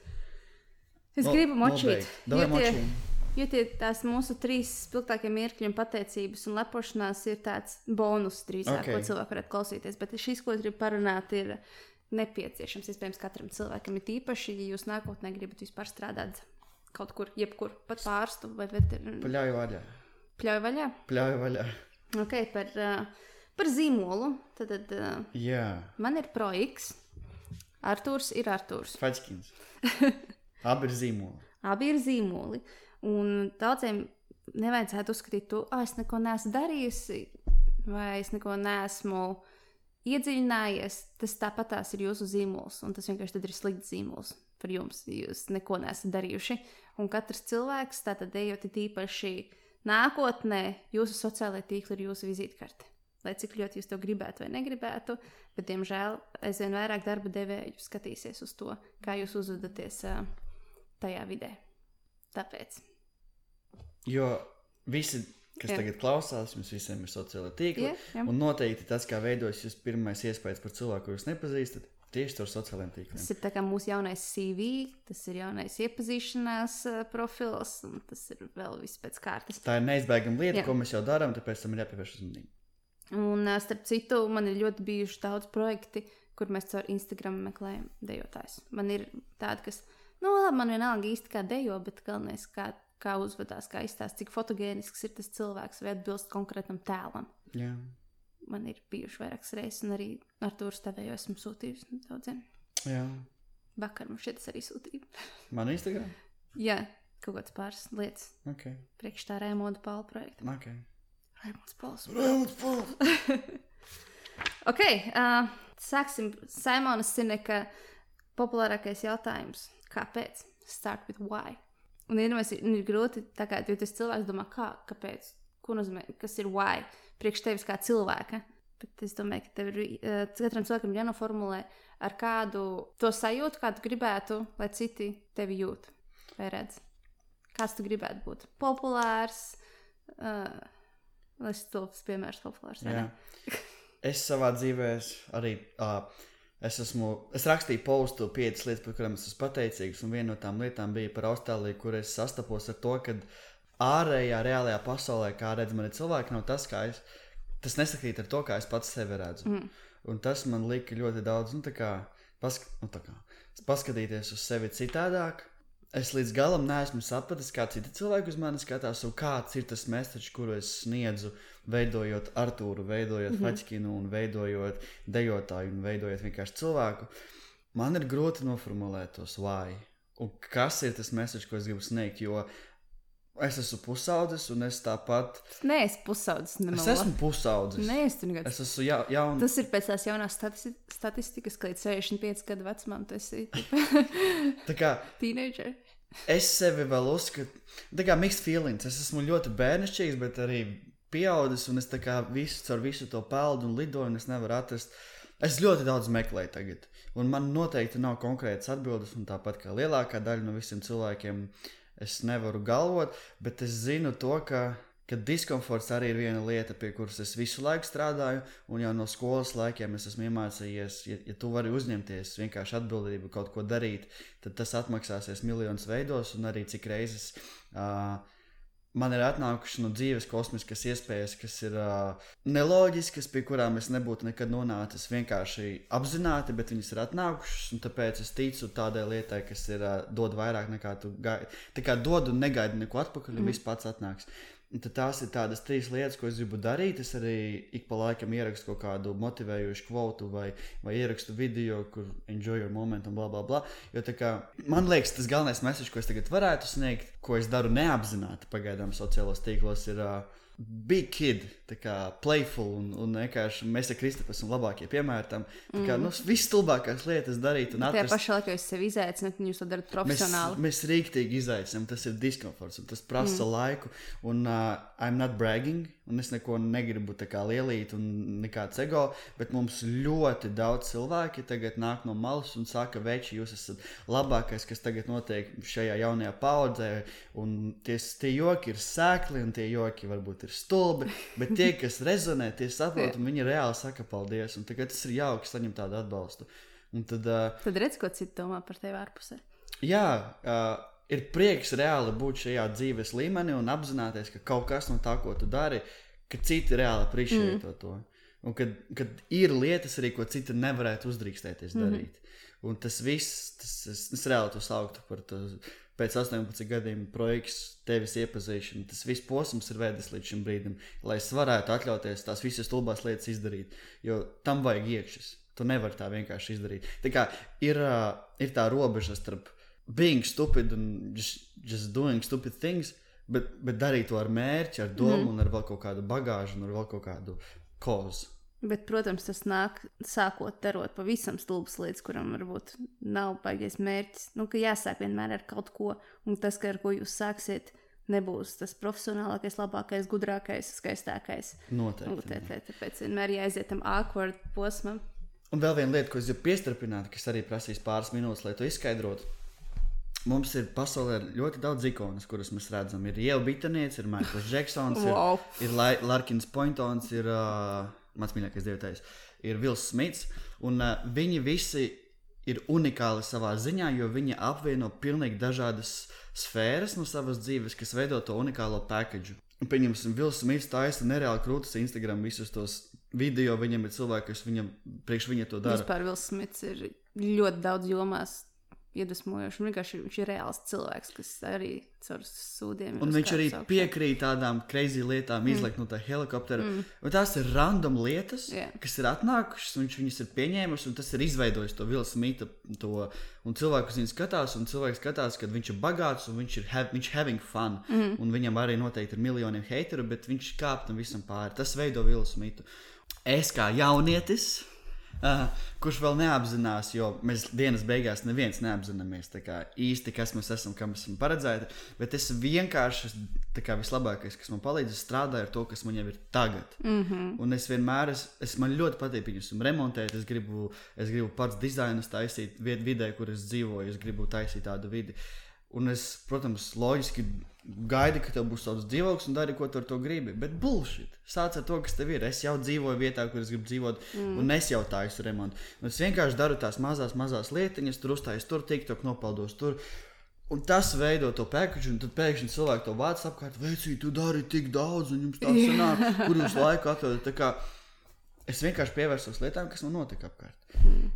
Es uh, biju šeit atpakaļ, kad tu teici, par to, ka tu nezini, kā citi varbūt tevi uztver. Tā nav kaut kāda latviešu pieticība, jo tu zini, kā cilvēki redz tevi uztver, ka viņi vairāk uh, saka pozitīvas lietas, bet tāpat tās vairāk pievērs uzmanību negatīvām lietām. Jo pēc savas pieredzes, es kā cilvēks, ja es runāju ar citu cilvēku, Latvijā mums pietrūks pozitīvās enerģijas, es vienmēr teikšu, visbiežāk es teikšu tikai pozitīvās mm. lietas. Tuvākiem cilvēkiem, savstarpējiem, es teikšu arī negatīvās lietas, jo es mm. viņus pazīstu un es zinu, no kurienes viņas nāk. Jā. Un es zinu, kā tu reaģēsi, ja es tev pateikšu kaut mm. ko negatīvu. Jā. Arpē, uh, seklās sarunās ar svešākiem cilvēkiem es to nedarīšu. Mm. Un es ņemu šo piemēru arī otrādi. Ja ar mani runās kāds cilvēks, kurš man līdz galam nepazīst, visdrīzāk, ka, protams, viņš man teiks tikai pozitīvās lietas, un negatīvās lietas viņš biežāk noklusēs. Uh, jo viņš nezinās, kā es uz to reaģēšu. Mm -hmm. Un tāpēc ikdienā es saņemu kaut kādus komplimentus, bet manī ir iekšā tā ticība, ka tas cilvēks nav pateicis līdz galam, ko viņš varētu par mani domāt. Jā. Un tāpēc ir vēl iekšā tā balstaņa manī, kas tā kā saka, bet tu pats tā dari, un tāpēc tā kā, man liekas, ka es nesaņemu visu informāciju par sevi. Okay, man, piemēram, ir tā, ka man ļoti daudz arī cilvēku saka komplimentus, un īstenībā man vairāk komplimentus saka tieši tuvie cilvēki. Un tad, kad ir heiteri, kas mani nepazīst, man laikam ir otrādi. Man tieši kas ir ārpusē, vairāk saka sliktās lietas. Un, uh, tā ir, man liekas, viena lieta, ar ko tev ir jāsadzīvo, ņemot vērā, ka tas vienkārši public figure. jā, un es tik bieži koncentrējos uz to, un tas domāju, pats varbūt viņam ir taisnība. Tur tiešām, ka viņi anonīmi spēja pateikt to, ko man varbūt tuvākie nevar pateikt. Mm -hmm. Bet tie pašā laikā, domāju, pagaidi, viņi nezina, kā tas ir veidojies. Viņi ir paņēmuši out of context. Vat tieši tas, ko gribēju teikt, ārā no konteksta. Kaut Jā. kā vienkārši izgriezu mazu gabaliņu Jā. un tad veidoju savu viedokli balstoties uz tādu niecīgā. Un caur savu prizmu, caur savu pasaules skatījumu ielika to situāciju savā pasaulē. Nezinot, kas ir noticis manā pasaulē, kāpēc esmu rīkojusies tā un tā. Un vēl viena Jā. lieta, ar kuru es ikdienā dzīvoju, es katru reizi, kad notiek nepatīkamas situācijas, mēģinu ieprogrammēt, lai pirmā doma, kas man nāk, ir nevis negatīva, negatīva enerģija un vēlme kādam iesist pa seju, bet uh, remember that he has a past as well. Jā, Kad ir iemesls, kāpēc viņš tā rīkojas tagad. jā. ok, šī šī ir tāda Ci- cita tēma, jā, jā, jā. Uh, ok, uh, ProX. Kāpēc ProX? To noteikti esmu simtiem reizes teikusi, ka pirmkārt tas, ka es gribu kaut ko jaunu radīt, man vajag vidi, kuras var izpausties, un tas man ir grūti Amerikā. Man patīk Amerikā, bet man nav sava vidi, kur izpausties. Mm -hmm. Tāpēc es vienmēr braucu atpakaļ. Jo šeit man uzreiz ir filmētāji, fotografi, un dejotāji, un ir telpas. Lai gan tur ir krūta, bet šeit es varu tā kā kreatīvi, un tas man ir nepieciešams. Un uh, vispār projekts, es gribu tiešām, lai viņš ir tā kā projekts nevis tā kā projekts deju studija, ar laiku tā kā pāriet. Ka tas ir tiešām, mēs apmācām dejas, protams, mēs taisām deju šovus, notiek dejošana, meistarklases, koncentrējamies arī uz video klipiņiem, koncentrējamies uz pasākumu rīkošanu, kaut ko tādu plašāku. Un man kaitina tas uzskats, ja, piemēram, kāds no citas studijas nāk pie mums, piemēram, nofilmēties, vai ietnāks mūsu pasākumu, vai piedalās zem mūsu vārda kādā pasākumā. Viņš reiz skatās, o, oh, es negribu zem projekta vārdu dejot, vai kaut ko tādu. Mhm. Mm, tā to es gribu nākotnē tā kā vairāk mainīt, uh, tīri tāpēc, lai tas tiešām būtu produkcijas un radītu labāko materiālu priekš Latvijas Mhm. kas Latvijā ir iespējams. Un es ceru, ka mani sadzirdēs. Ir jau, protams, labāka situācija. Daudz nāk uh, mūsu sastāviem, uzstājas kaut kur un reklamē to mūsu vārdu. Bet mans mērķis nav tieši varbūt, tā kā par OX reklamēt, kā vairāk uh, tos dejotājus. Es ļoti esmu koncentrējusies tieši uz uh, cilvēku, kā, kā tas saucās? Uh, Tas ir menedžeri. Nepagaidu uz cilvēku. Atbalstīšana. Uh, Pats Ka, ka katru, jā, ka tieši tie cilvēki, kas reklamē tos cilvēkus vairāk nekā projekts, ja, piemēram, mm. -hmm. pastāstīs projekts Instagram, tur ir nu, ļoti krūti cilvēki, kas dara arī citas lietas un ir citās studijās, un es tieši viņus popularizēju. Mhm. Bet redz no malas izstāstot, ko es vienkārši izmantoju, lai popularizētu projekts. You know? Bet jā, tas mans pirmais why ir, eh, ka es gribu talantus izcelt, es gribu, lai viņiem ir kvalitatīvs materiāls, un es vēlos, lai viņi piedalās kvalitatīvās lietās un paceļam Latvijā to latiņu augstāk. Un tas ir, jā, es gribu palīdzēt. Tas vienmēr pamatā būs tas, ka es gribu ko radīt un palīdzēt, un Jo arī, m, man liekas, jūs to esmu teicis, bet Dieva ir tā tāds cilvēks, kas tā savieno mm, nezinu, darba devēju ar, ar, ar, ar, ar ne klientu, bet ar pakalpojumu sniedzēju. Un kad uh, tev ir ļoti daudz kontaktu, un tu tiešām daudz cilvēku pazīsti, un man mm. cilvēkam kā es, kas vienkārši kaut ko gribēja darīt, un kas auga tajā visā, mm. man tas ļoti noderēja. Tu man visu laiku kā, piespēlēji kaut kādas iespējas, un es, uh, man paveicās, ka man bija atvērts prāts uz to visu, un kad es vienkārši gāju un darīju, un es neraku neko dziļāk. Mm. Es vienkārši sekli gāju un darīju. Mm. Un man tas visvairāk palīdzēja, un uh, tas arī tas, ko es cilvēkiem iesaku, ko es mēģinu no tevis mācīties. Uh, nu, pasniegt tālāk, un, ja es pats nevaru, tad vienkārši ieteikt kādam draugam Jā. un dot viņam to iespēju. Un vispār decembris bija tāds, ka es um, šogad izlēmu neko nedarīt darba ziņā. Kā, nu, Negribēju papildus tā kā mazo projektu, spontāno projektu. Jā, ziņā. vai arī korporatīvie. Es tiešām noskaņojos, ka es neko tādu nedarīšu, un šo mēnesi es um, pavadīšu sevi attīstot, protams, vadot treniņus, un visus es tā kā novirzīju uz citurienu. Viņam vajag tādas vai siltu karmu, vai arī tur Elzai Kronbergai piespēlēja. Bet es sapratu savu kļūdu, vai es nezinu, tā ir kļūda, vai tā nav kļūda, bet es nekad nepateicu, ka tas nāk no manis. Mm -hmm. Un es pat vairs nevaru nokontrolēt, kurš pasākums nāk no manis un kurš nenāk no manis. Un tas man šeit ir jāmācās, ka man ir jāpasaka, ka šis nāk no manis, man 5%. Jā, ir kaut kas jāņem Jā. arī par to. Jā, tas jau es domāju, o, es to nedaru, bet tajā pašā laikā es jūtos izsūkta novirzot visus tos projektus kaut kur citur. Mm -hmm. Tas ir, ko es mēģināšu mācīties. Bet, uh, Tad tas jā. ir tas, kādu, kā varbūt citi cilvēki tagad misunderstand, misinterpretē projektu, bet tas ir tas, kā tu vēlēsies, kādu brendu projekts varētu pārstāvēt. Ka tā ir, pieņemsim, mums Latvijā arī par Rēmu runājot, mums Latvijā nav aģentūras, kas mm -hmm. menedžē dejotājus. Nu, tur lai Baltic Dancers. Es gribu, lai Baltic Dancers jo pagaidām, arī esmu bišķītiņu Baltic Dancers. Jo pagaidām gribu, izklausās, ka tu jā. projekts tā kā tādu platformu taisi kā, kā bukošana, kā dejotāji. Nē, es tieši gribu. Mm. Jo tu, tas ir tas, ko tu dari by default. Es gribu. Tu reklamē. Viņi patais, viņiem iedot kvalitatīvu materiālu, bildes, video un vietu, kur trenēties. Okay. Tad tas izskatās kvalitatīvi, un lai nākot uz šīm, piemēram, ka mums ir pasākumi, lai viņi ir kvalitatīvi, vienkārši lai tā kvalitāte iet pa priekšu, un pēc tam, ko viņi dara ar to materiālu, ir viņu ziņā. Jā, man tagad uh, ir daudz, uh, daudz cilvēku pie manis nāk, jo mani zina un prasa tos dejotājus, bet nākotnē es domāju, ka es bišķi tiņu attiešu no tā, ka es Jā. tieši gribu strādāt, lai padarītu to, ko cilvēki redz sociālajos tīklos, kvalitatīvāku. Mm -hmm strādāt ar, so, nu, tieši ar sociālajiem tīkliem, bildes, video un kā tas viss izskatās. Kaut kā tā. Let's say production, tiešām production company. If that makes sense. Mēs neesam tikai dēstis, protams, mācījuši dejot, kamēr es varu mācīt dejot. Un tas ir pamats. Ja man patīk. Jā. Un forši redzēt arī jauniešus, sat... nu, ok, piemēram. Man tagad šī gadā tie jaunieši, kas man bijuši sākot no februāra līdz šim laikam, viņu attīstība, ja tas ievērojis, ir seriāli, kā var tik ātri attīstīties, cik var cilvēki. Un tas, ka viņi ir papildus ar tiem video, viņi ir sākuši taisīt savas choreogrāfijas. O, es gribu savu video, tas nozīmē, ka es taisīšu savu choreogrāfiju. Un 14, 15 gadīgi līdz 18, 20 taisa savas choreogrāfijas beigās. O, man ir choreogrāfija, es varētu saviem draugiem iemācīt. Viņi paņem telpas un iemācīja saviem draugiem.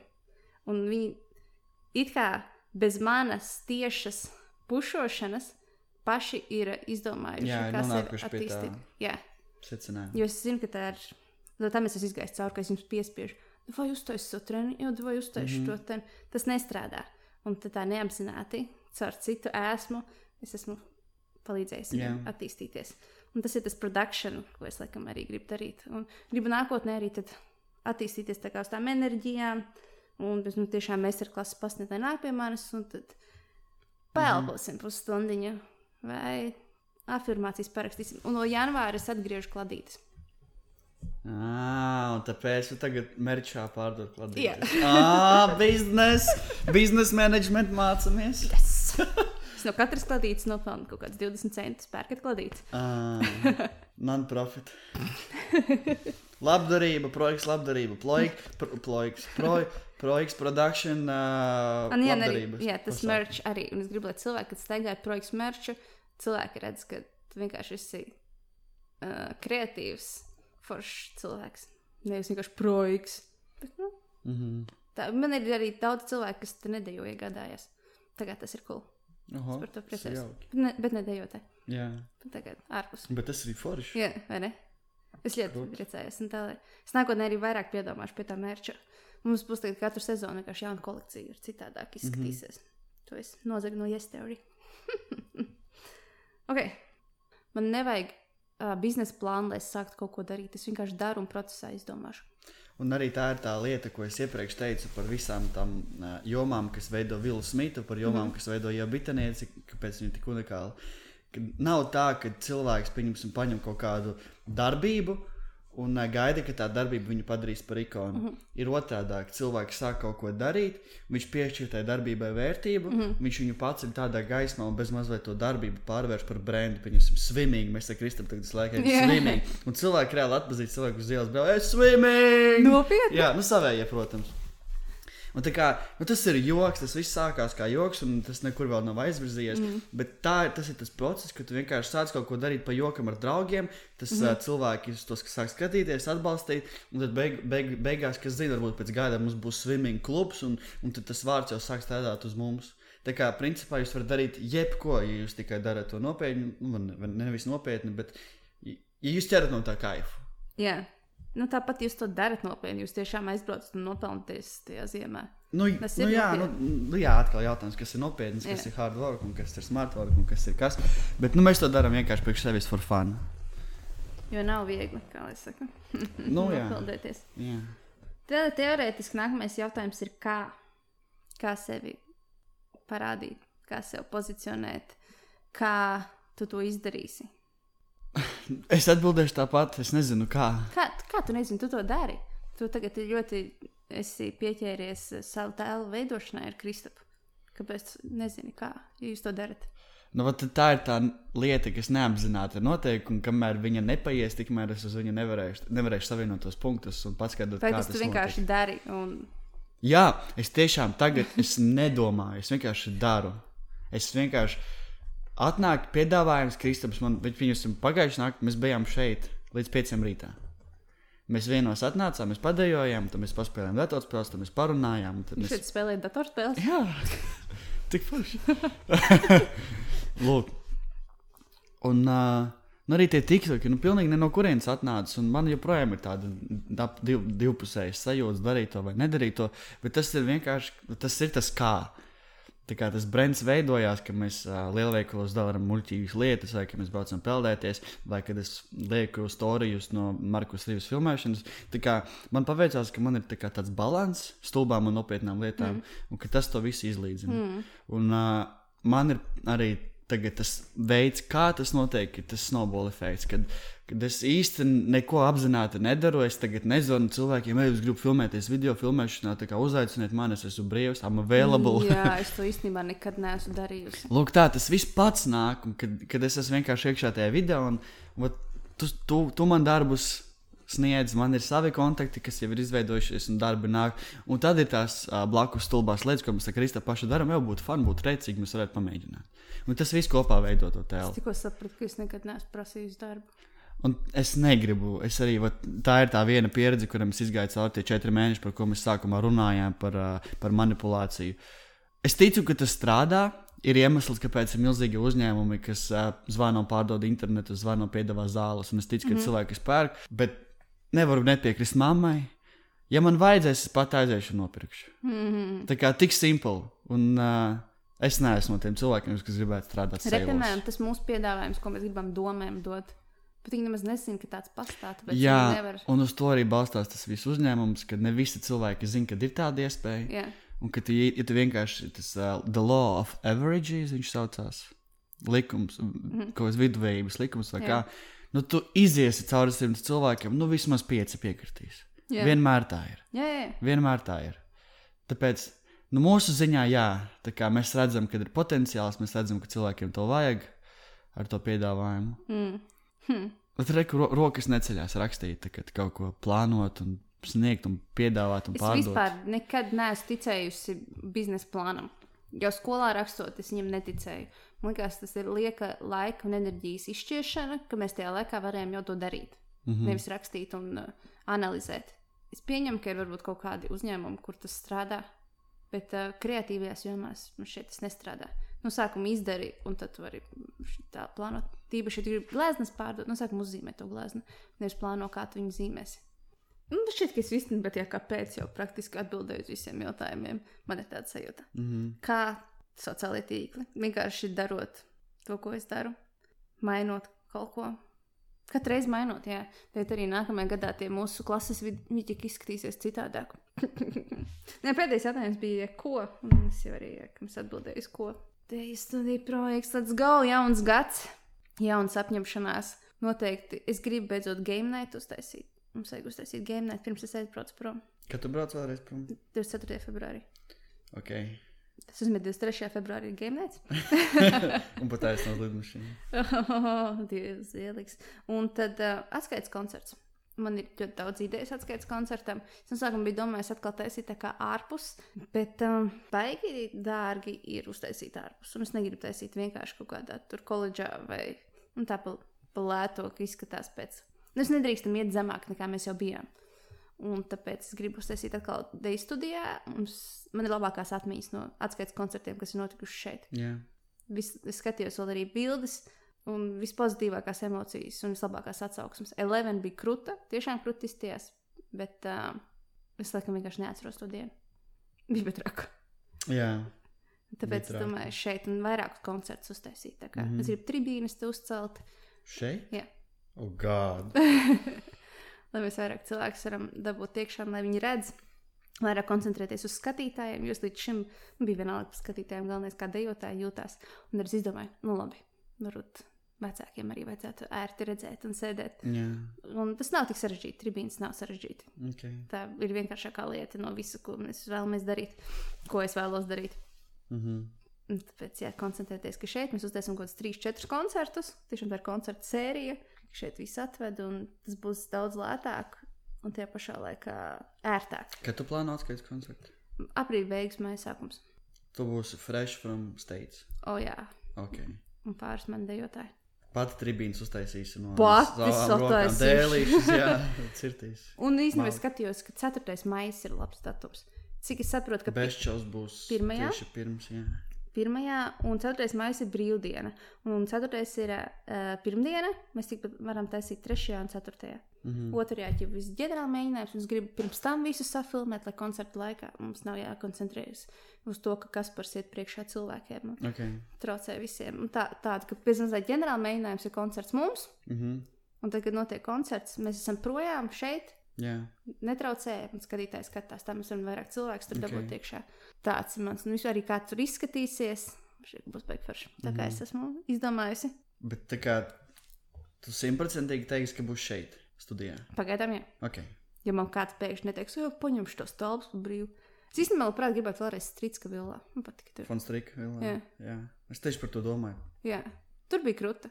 Mums bija vieta, gandrīz. Bija kur pārģērbties, bija kur sēdēt, bija kur dejot. Jā, lai gan tāpat visi skatītāji neslīd iekšā daudz aizgāja prom, jo nevarēja iet iekšā fiziski. Mm. Īstenībā būtu forši no, noteikti no jums, kāds, kas klausās, ir bijis atskaites koncertā. Varbūt ir kaut kāds feedback, kas pietrūks, kas par daudz ko gribētos redzēt.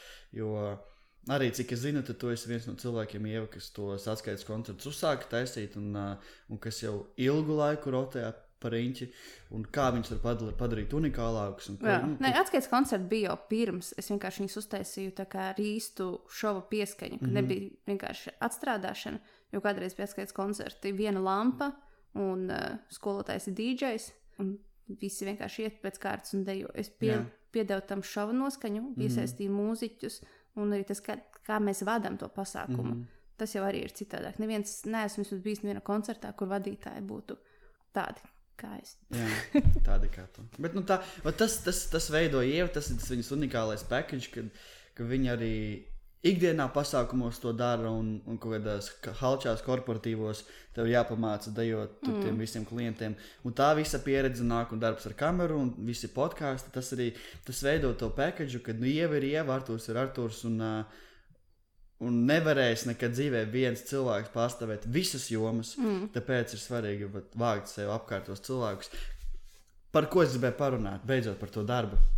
Es biju uz darba pārunām ar uh, Chocolate Entertainment.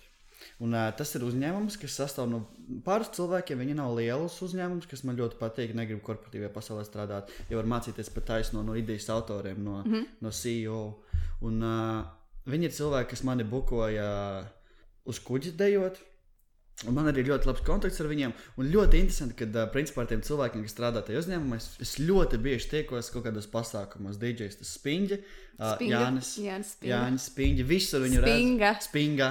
Viņu visos pasākumos satiek. Un, uh, man patīk, ka tajā uh, Chocolate Entertainmentos, ka viņiem ir uh, no katras sfēras vismaz viens cilvēks, kas pārzina. Viņiem ir DJs, viņiem ir operators, viņiem ir pasākumu plānotājs. Un tā kā Rīktīgi krūti, un es vēlētos arī strādāt, es deju pasauli pārzinu. Mm. Tā kā veidojas rīktīgi forša komanda, un man tagad ļoti daudz arī Facebookā visādi video met, metas ārā par vidi, par cilvēkiem, kas tev ir apkārt. Mm -hmm. Man patreiz ir manā vidē cilvēki, no kuriem es gribētu tikt vaļā, un cilvēki, kurus es gribētu tuvāk sev dabūt. Tāpēc man ir jāmācās ar to visu menedžēt. Uh, bet ļoti, ļoti svarīga lieta. Nu, Dari, ko tu gribi, būsi starp atlētiem, pats sāksi trenēties. Būsi starp dzērājiem, pats dzērs. Stulbs Jā. piemērs, bet tā vienkārši notiek. Tā vienkārši ir. Kā var tikt vaļā no cilvēkiem? Um, eventually, uh, Viņi, protams, atkritīs. ar laiku viss Jā. atkritīs. Protams. Es nekad neesmu konkrēti cilvēkam piegājis, priekšā pateicis, klausies, tu man enerģētiski un vibrāciju līmenī nepiestāvi. Es negribu ar tevi komunicēt, tāpēc vairs netiksimies. Mēs, tik, mēs no viena cilvēka tā izdarījām. Jā, izdarījām gan. Tieši tā mēs arī izdarījām. Bet Bet tas, tas ir brutāli. tas ir. nu, Jā, Jo man ir arī tā, ka man pagājušajā gadā arī bija situācija, ka tas tik ļoti pieredzējis pie tā cilvēka, un uh, liekas, ka nav iespējams bez mazā, ja viņi nav tavā dzīvē, tad, tad kaut kas nebūs kārtībā. Un tad tas kā tikt vaļā. Es domāju, ka daudziem tā ir. Tīpaši tie pusauģiem, ka tev ir labākais draugs, un zini, kurš pīpē un dzer, un tev arī vēl tajā iekšā, bet tu īstenībā gribi dzīvē kaut ko sasniegt. jā. Man paveicās, man skolas laikā nebija tik tuvu draugu. Tāpēc man nevajadzēja. Tas ir gan labi, gan slikti. Jā, don't have friends.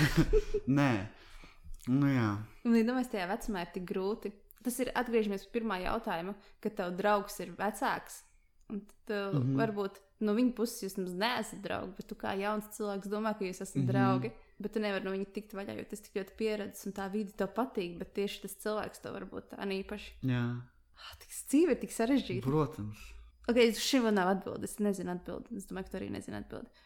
Bet ir tā, ka jā, ka ar laiku viss nostāsies. Tas vienkārši vietā. notiek. Jā, jo manā gadījumā arī tā vienkārši notika. Kad... Un tās ir tik Jā. subjektīvas lietas, uz Jā. kurām ir jāskatās pilnīgi individuāli. un Mēs nevaram ieteikt nekādu zelta likumu. Mm. Uh, vienīgais zelta likums ir runāt ar to cilvēku un redzēt, kā mm. viņš uz to reaģē. Ja viņš ir atvērts uz pārmaiņām, viņš saprot, ka pēc tā ir jā, ja, viņ, ja tev kaut kas cilvēkā nepatīk.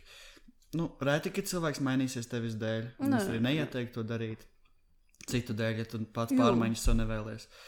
Pirmais solis parunāt ar to cilvēku, otrais solis skatīties, kā viņš to reaģēt, izanalizēt un, un tad rīkoties attiecīgi. Jū.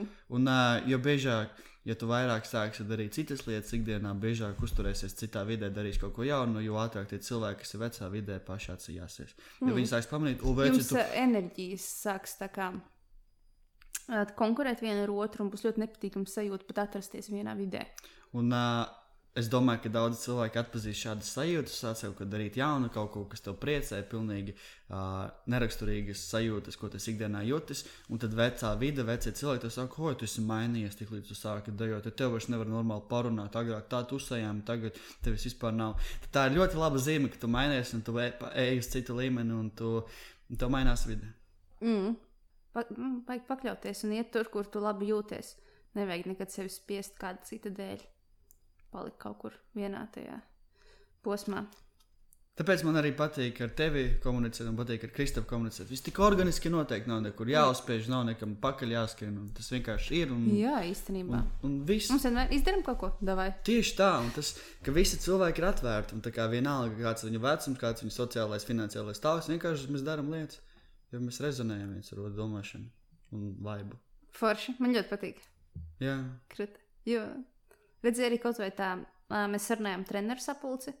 Un parasti, lai sarunātu, es nekad viņu nerunāju pēdējā gada laikā, tāpēc, ka tās ir zobu sāpes, salikt Jā. laiku vienu. jā, Un tagad tas notika uzreiz. jā. Un visi tika. jā, Ko? jā. Un bija tāds, ok, nevajadzēs izdomāt vēl 56 datumus un Jā. laikus, lai visiem pielāgotos. Visiem, jā, es varu, es varu, jā, es arī varu. Ok, es arī varu. Nu, jā. Tas ir vienīgi prioritāšu jautājums. Es Un tas ir īsti- pirmsvētku laiks, tas ir 30. decembris. Jā, vai ne? Tā kā vispār kosmos. Lai gan, labi, es zinu, ka mēs pārcilvēki esam ļoti brīvi šobrīd. Un viens cilvēks no tiem uz kuģa strādā katru dienu, un Ah, tāpēc jā, vēl ir jā. jāpaspēj samanģēt tajā laikā. Tāpēc mums katru dienu tikai principā trīs stundu. Katru otro caurums- dienu. Katru otro dienu ir trīs stundu caurums, kurām mēs varam tikties, un uzreiz tas arī Jā. derēja. Tāpēc, jā, tiklīdz jūs atradīsiet īstos cilvēkus, īsto vidi, viss dabiski un organiski unfoldosies. Es īstenībā nevaru sagaidīt pirmdienu. Man būs mazliet pārsteigums. Jums visiem ir iespēja tagad piedalīties un tīrīt studiju. Tādā! Su katram jaunas lupatiņas. Lā, Jā, cimdiņi. Tagad krāsojam šo sienu. Tu plāno atskaits koncertam kaut kādu ieejas maksu? Jā, noteikti būs. Es vairs to nedarīšu bez maksas. Jo, jā, jā, tas ir milzīgi mīnus organizatoriem. Ne tikai enerģiski un veselības ziņā, bet finansiāli arī. Jā, tas, ok, naudas var pārdzīvot. Bet tas, ka veselība man bija tik ļoti sa- sadragāta, un es uzņēmos darīt vienu pati gandrīz visu, un tad man bija pāris, tā kā jūs darījāt kaut kāds 15, 20% Mm -hmm. no tā, kas bija jāizdara. Un es vienkārši sevi tik ļoti izdedzināju, aizdedzināju, un vēl piesitu. Un es, pat, es pat nezinu, kā to vēl nosaukt.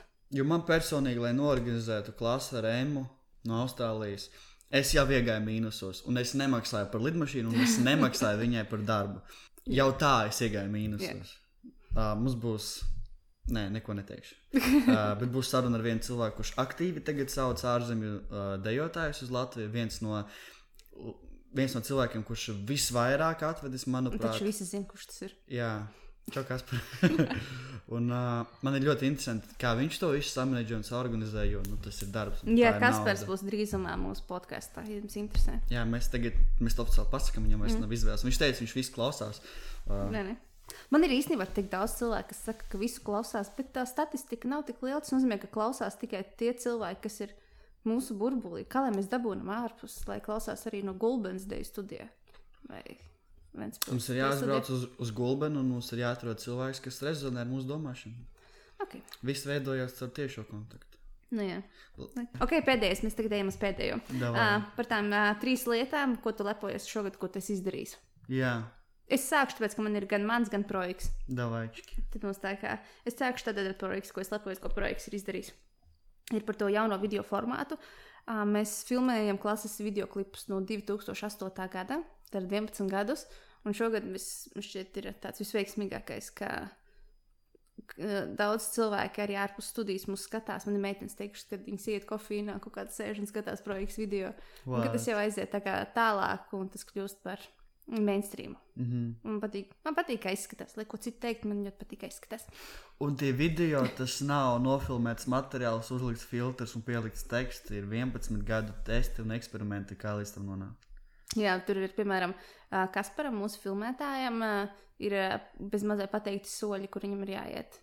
Mm -hmm. Mm, Viņš jau ir iedresēts. Bezmazliet. Tagad viņam vairāk nesaka, bet no sākuma bija paiet priekšu, paiet atpakaļ, plā, pa kreisi, augšu, lejā.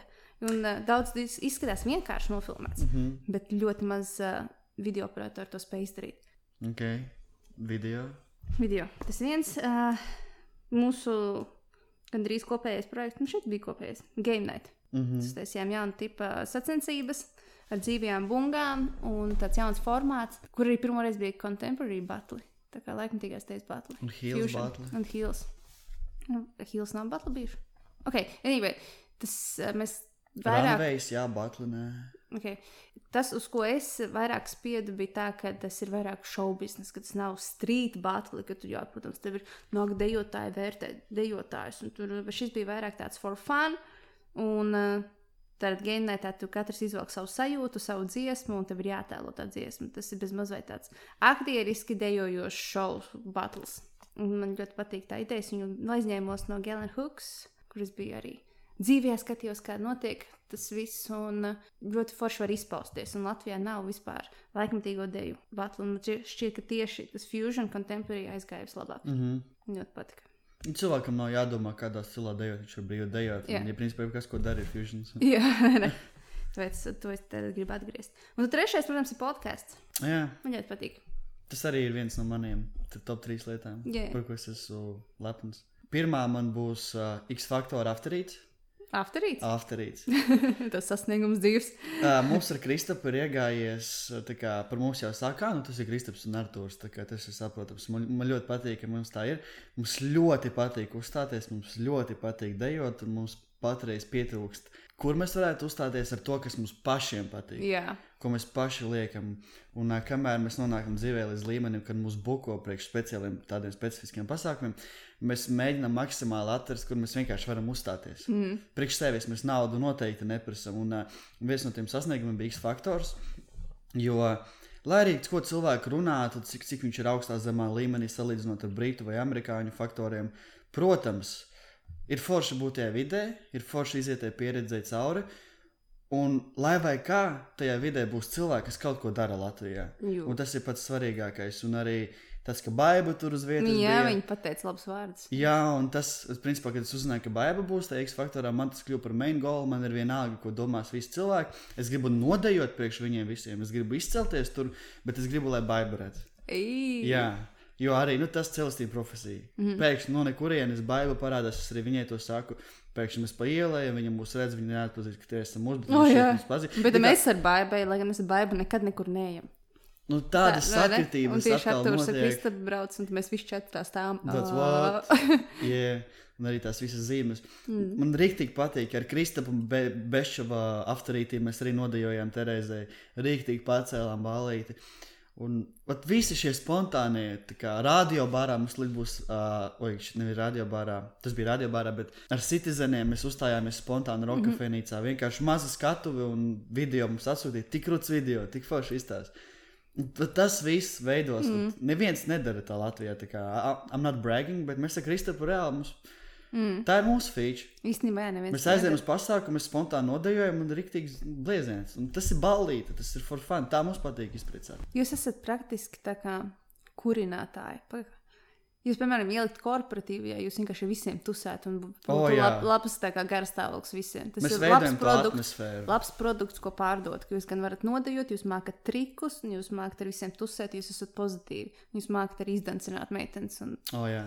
tā kā Yeah. labs produkts. Tā kā vat, vat, nav nejausmas, kur tas viss aizies, bet kā, mm. tas viss notiek. Tad tā ir pirmā lieta. Vienkārši bija rīktīgi stress. Man ne uz vienu tiešraidi, ne uz vienu numuru X faktoru laikā nebija tāds stress uz skatuves, kā, kur skatās Latvijā televīzijā visi vēl klātienē cilvēki. Kā man bija bailes tajā X faktorā, tas stress tajā brīdī. Nu, vienkārši viss iekšā. Ja trīcē. cilvēki nezina, tad viņi afterīti uztaisīja pārsteigumu deju un nodejoja arī dvīnēm. Diezgan maigus. Ne, nebija, nebija striptīs, tas bija tāds Vienkārši vienu, jā, vienu jaku novilku. nost. Jā, vajadzēja vairāk. Bet yes. mēs tā pieklājīgi pieklājīgi tā ir viena lieta. Līdz pierakstīju telefonā man bija. Uh, otra lieta noteikti podkāsti. Mm. -hmm. Tā ir lieta, kas, uh, kas manī iedvesmo. Man patīk vienkārši runāt. Jā. Es ikdienā daudz runāju, un patīk. Es pagaidām neklausos pats līdz galam tos podkāstus. Bet tas mums atver arī kaut kādas čakras, kaut kādas domas. Un... Lai gan mēs vienmēr tā runājam, bet tagad mēs konstruktīvāk runājam. Jā, un man ļoti patīk tā atgriezeniskā saite, ka cilvēki, tie, kas klausās, viņi pasaka Jā. kaut ko labu. un Tad... Un viņi zvana un runā par oh, tik forši, ka viņi tiešām tā kā izsaka. Uh, Snickers noteikti grib atnākt. Viņš man piezvanīja, viņš gandrīz desmit minūtes norunāja, pastāstīja savu viedokli par vienu podkāstu. Nu, beig, forši, man patīk. Jā, un Kaspars arī grib pats savu kaut kādu video uztaisīt, ņemot vērā mūsu trešo podkāstu par, ā, par saņemto naudu, par darba, darba procesu Latvijā, mm -hmm. dejošanā. Tas ir forši. Un tas rīktīgi liek tā kā. Ok, jo Snickers un Mēlēns, Kaspars, priekš, man, priekš tevis viņi ir tavi draugi, brat, bratani. Man arī tagad viņi ir Mani brati. vairāk kā draugi, bet, Jā. uh, kad es ienācu šajā sfērā, viņi bija cilvēki, uz kuriem es skatījos no lejas uz Mm. augšu. Un Tāpēc man ir personīgi, kā jaunākam cilvēkam, ļoti silti un patīkami, kad, ka manī kāds ieklausās tāda, tāda tipa cilvēks un Nu jā. atbalsta vēl. Tā kā tas man rīktīgi silda, un mans arī noteikti top trīniekā sasniegums ir atvest cilvēku no Austrālijas ciemos. Yes. Un tik krūtis sajūtas, un arī tik spontāni, ne no kurienes, un nekad dzīvē neko tādu neesmu darījis. Un neesmu dzirdējis, lai Latvijā kāds dejotājs no Austrālijas pasniegtu kaut kādu deju klasi.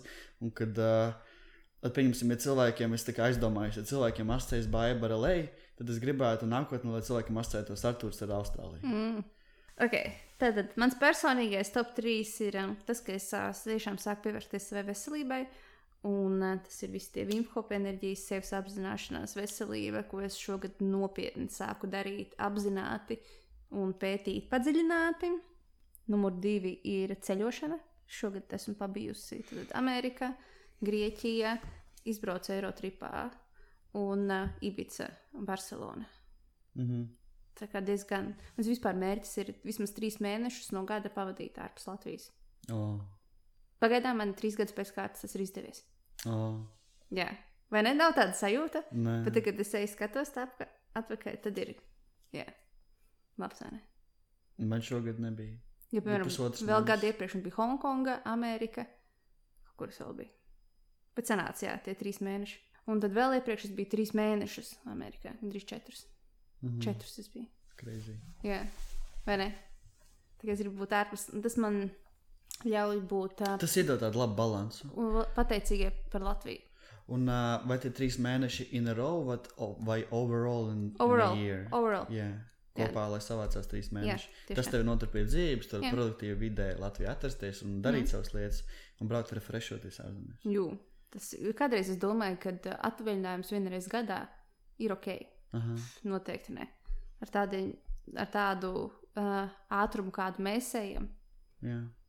pilnīgi nereāli. Ļoti, bet es arī ļoti bieži domāju, kā ir tie pasniedzēji, tie cilvēki, kas visu laiku strādā, kas visu laiku ir šeit, ko viņi dod tiem bērniem, ko to arī citās jomās, ne dejošanā.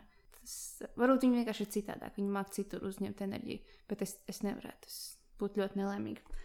Ah, ah, ah, Kamēr, es, ne, kamēr, es, nu. kamēr es neaizmirstu, vēl viena lieta, par ko es esmu pateicīgs, Nu. kas notika. Es ļoti gribēju, man bija mērķis, es gribēju novadīt kaut kur citur meistarklasē, ārpus projekta telpām.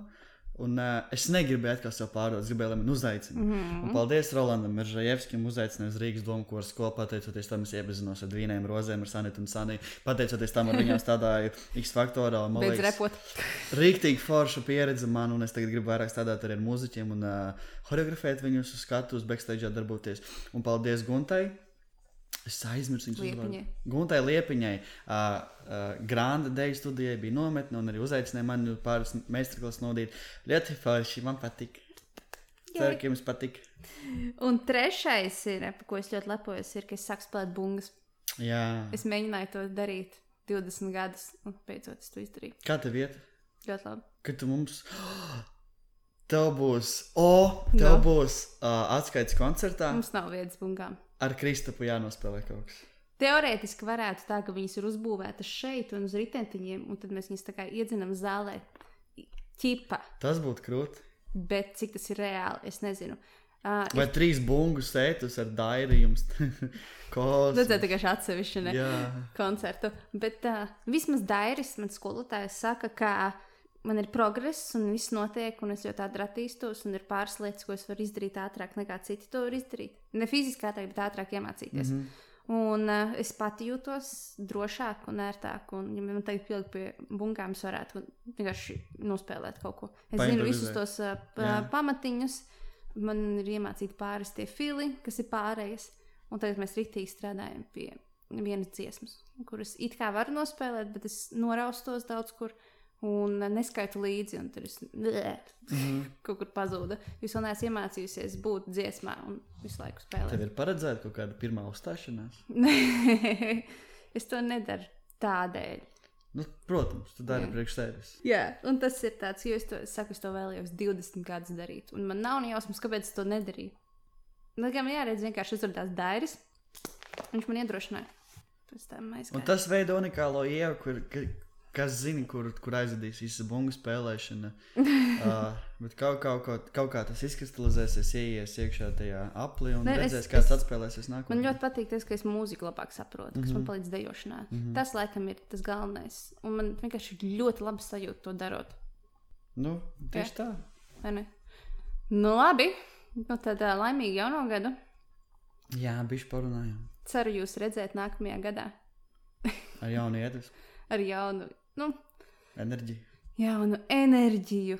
Iedvesmai vajadzētu būt visu laiku. Fuck New Year's resolutions. Jā, es, es neticu tād, tādām lietām. Man ir jā, uh, mana dzimšanas diena resolution. Un es resolutions rakstu katru reizi, kad man viņš ienāk, ienāk viņi tie prātā. Tāpēc nebaidieties no tā, jums ienāk ideja prātā. Negaidiet jauno gadu.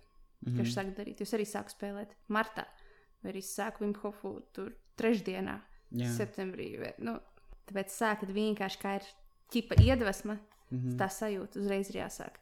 Jo tās jaunā gada apņemšanās, cik mēs zinām, bieži vien ir vienkārši kaut kāda dīvaina fantāzija, ko citi dara, un oh, tagad man arī to vajag. Bet kādam tas noteikti strādā? Kādam tas noteikti strādā, jums tas strādā, darat. Man personīgi nestrādā. Bet tas ir labs laiks, lai apdomātu, ko tu izdarīsi iepriekšējā gadā mm -hmm. ko tu gribētu izdarīt nākamajā.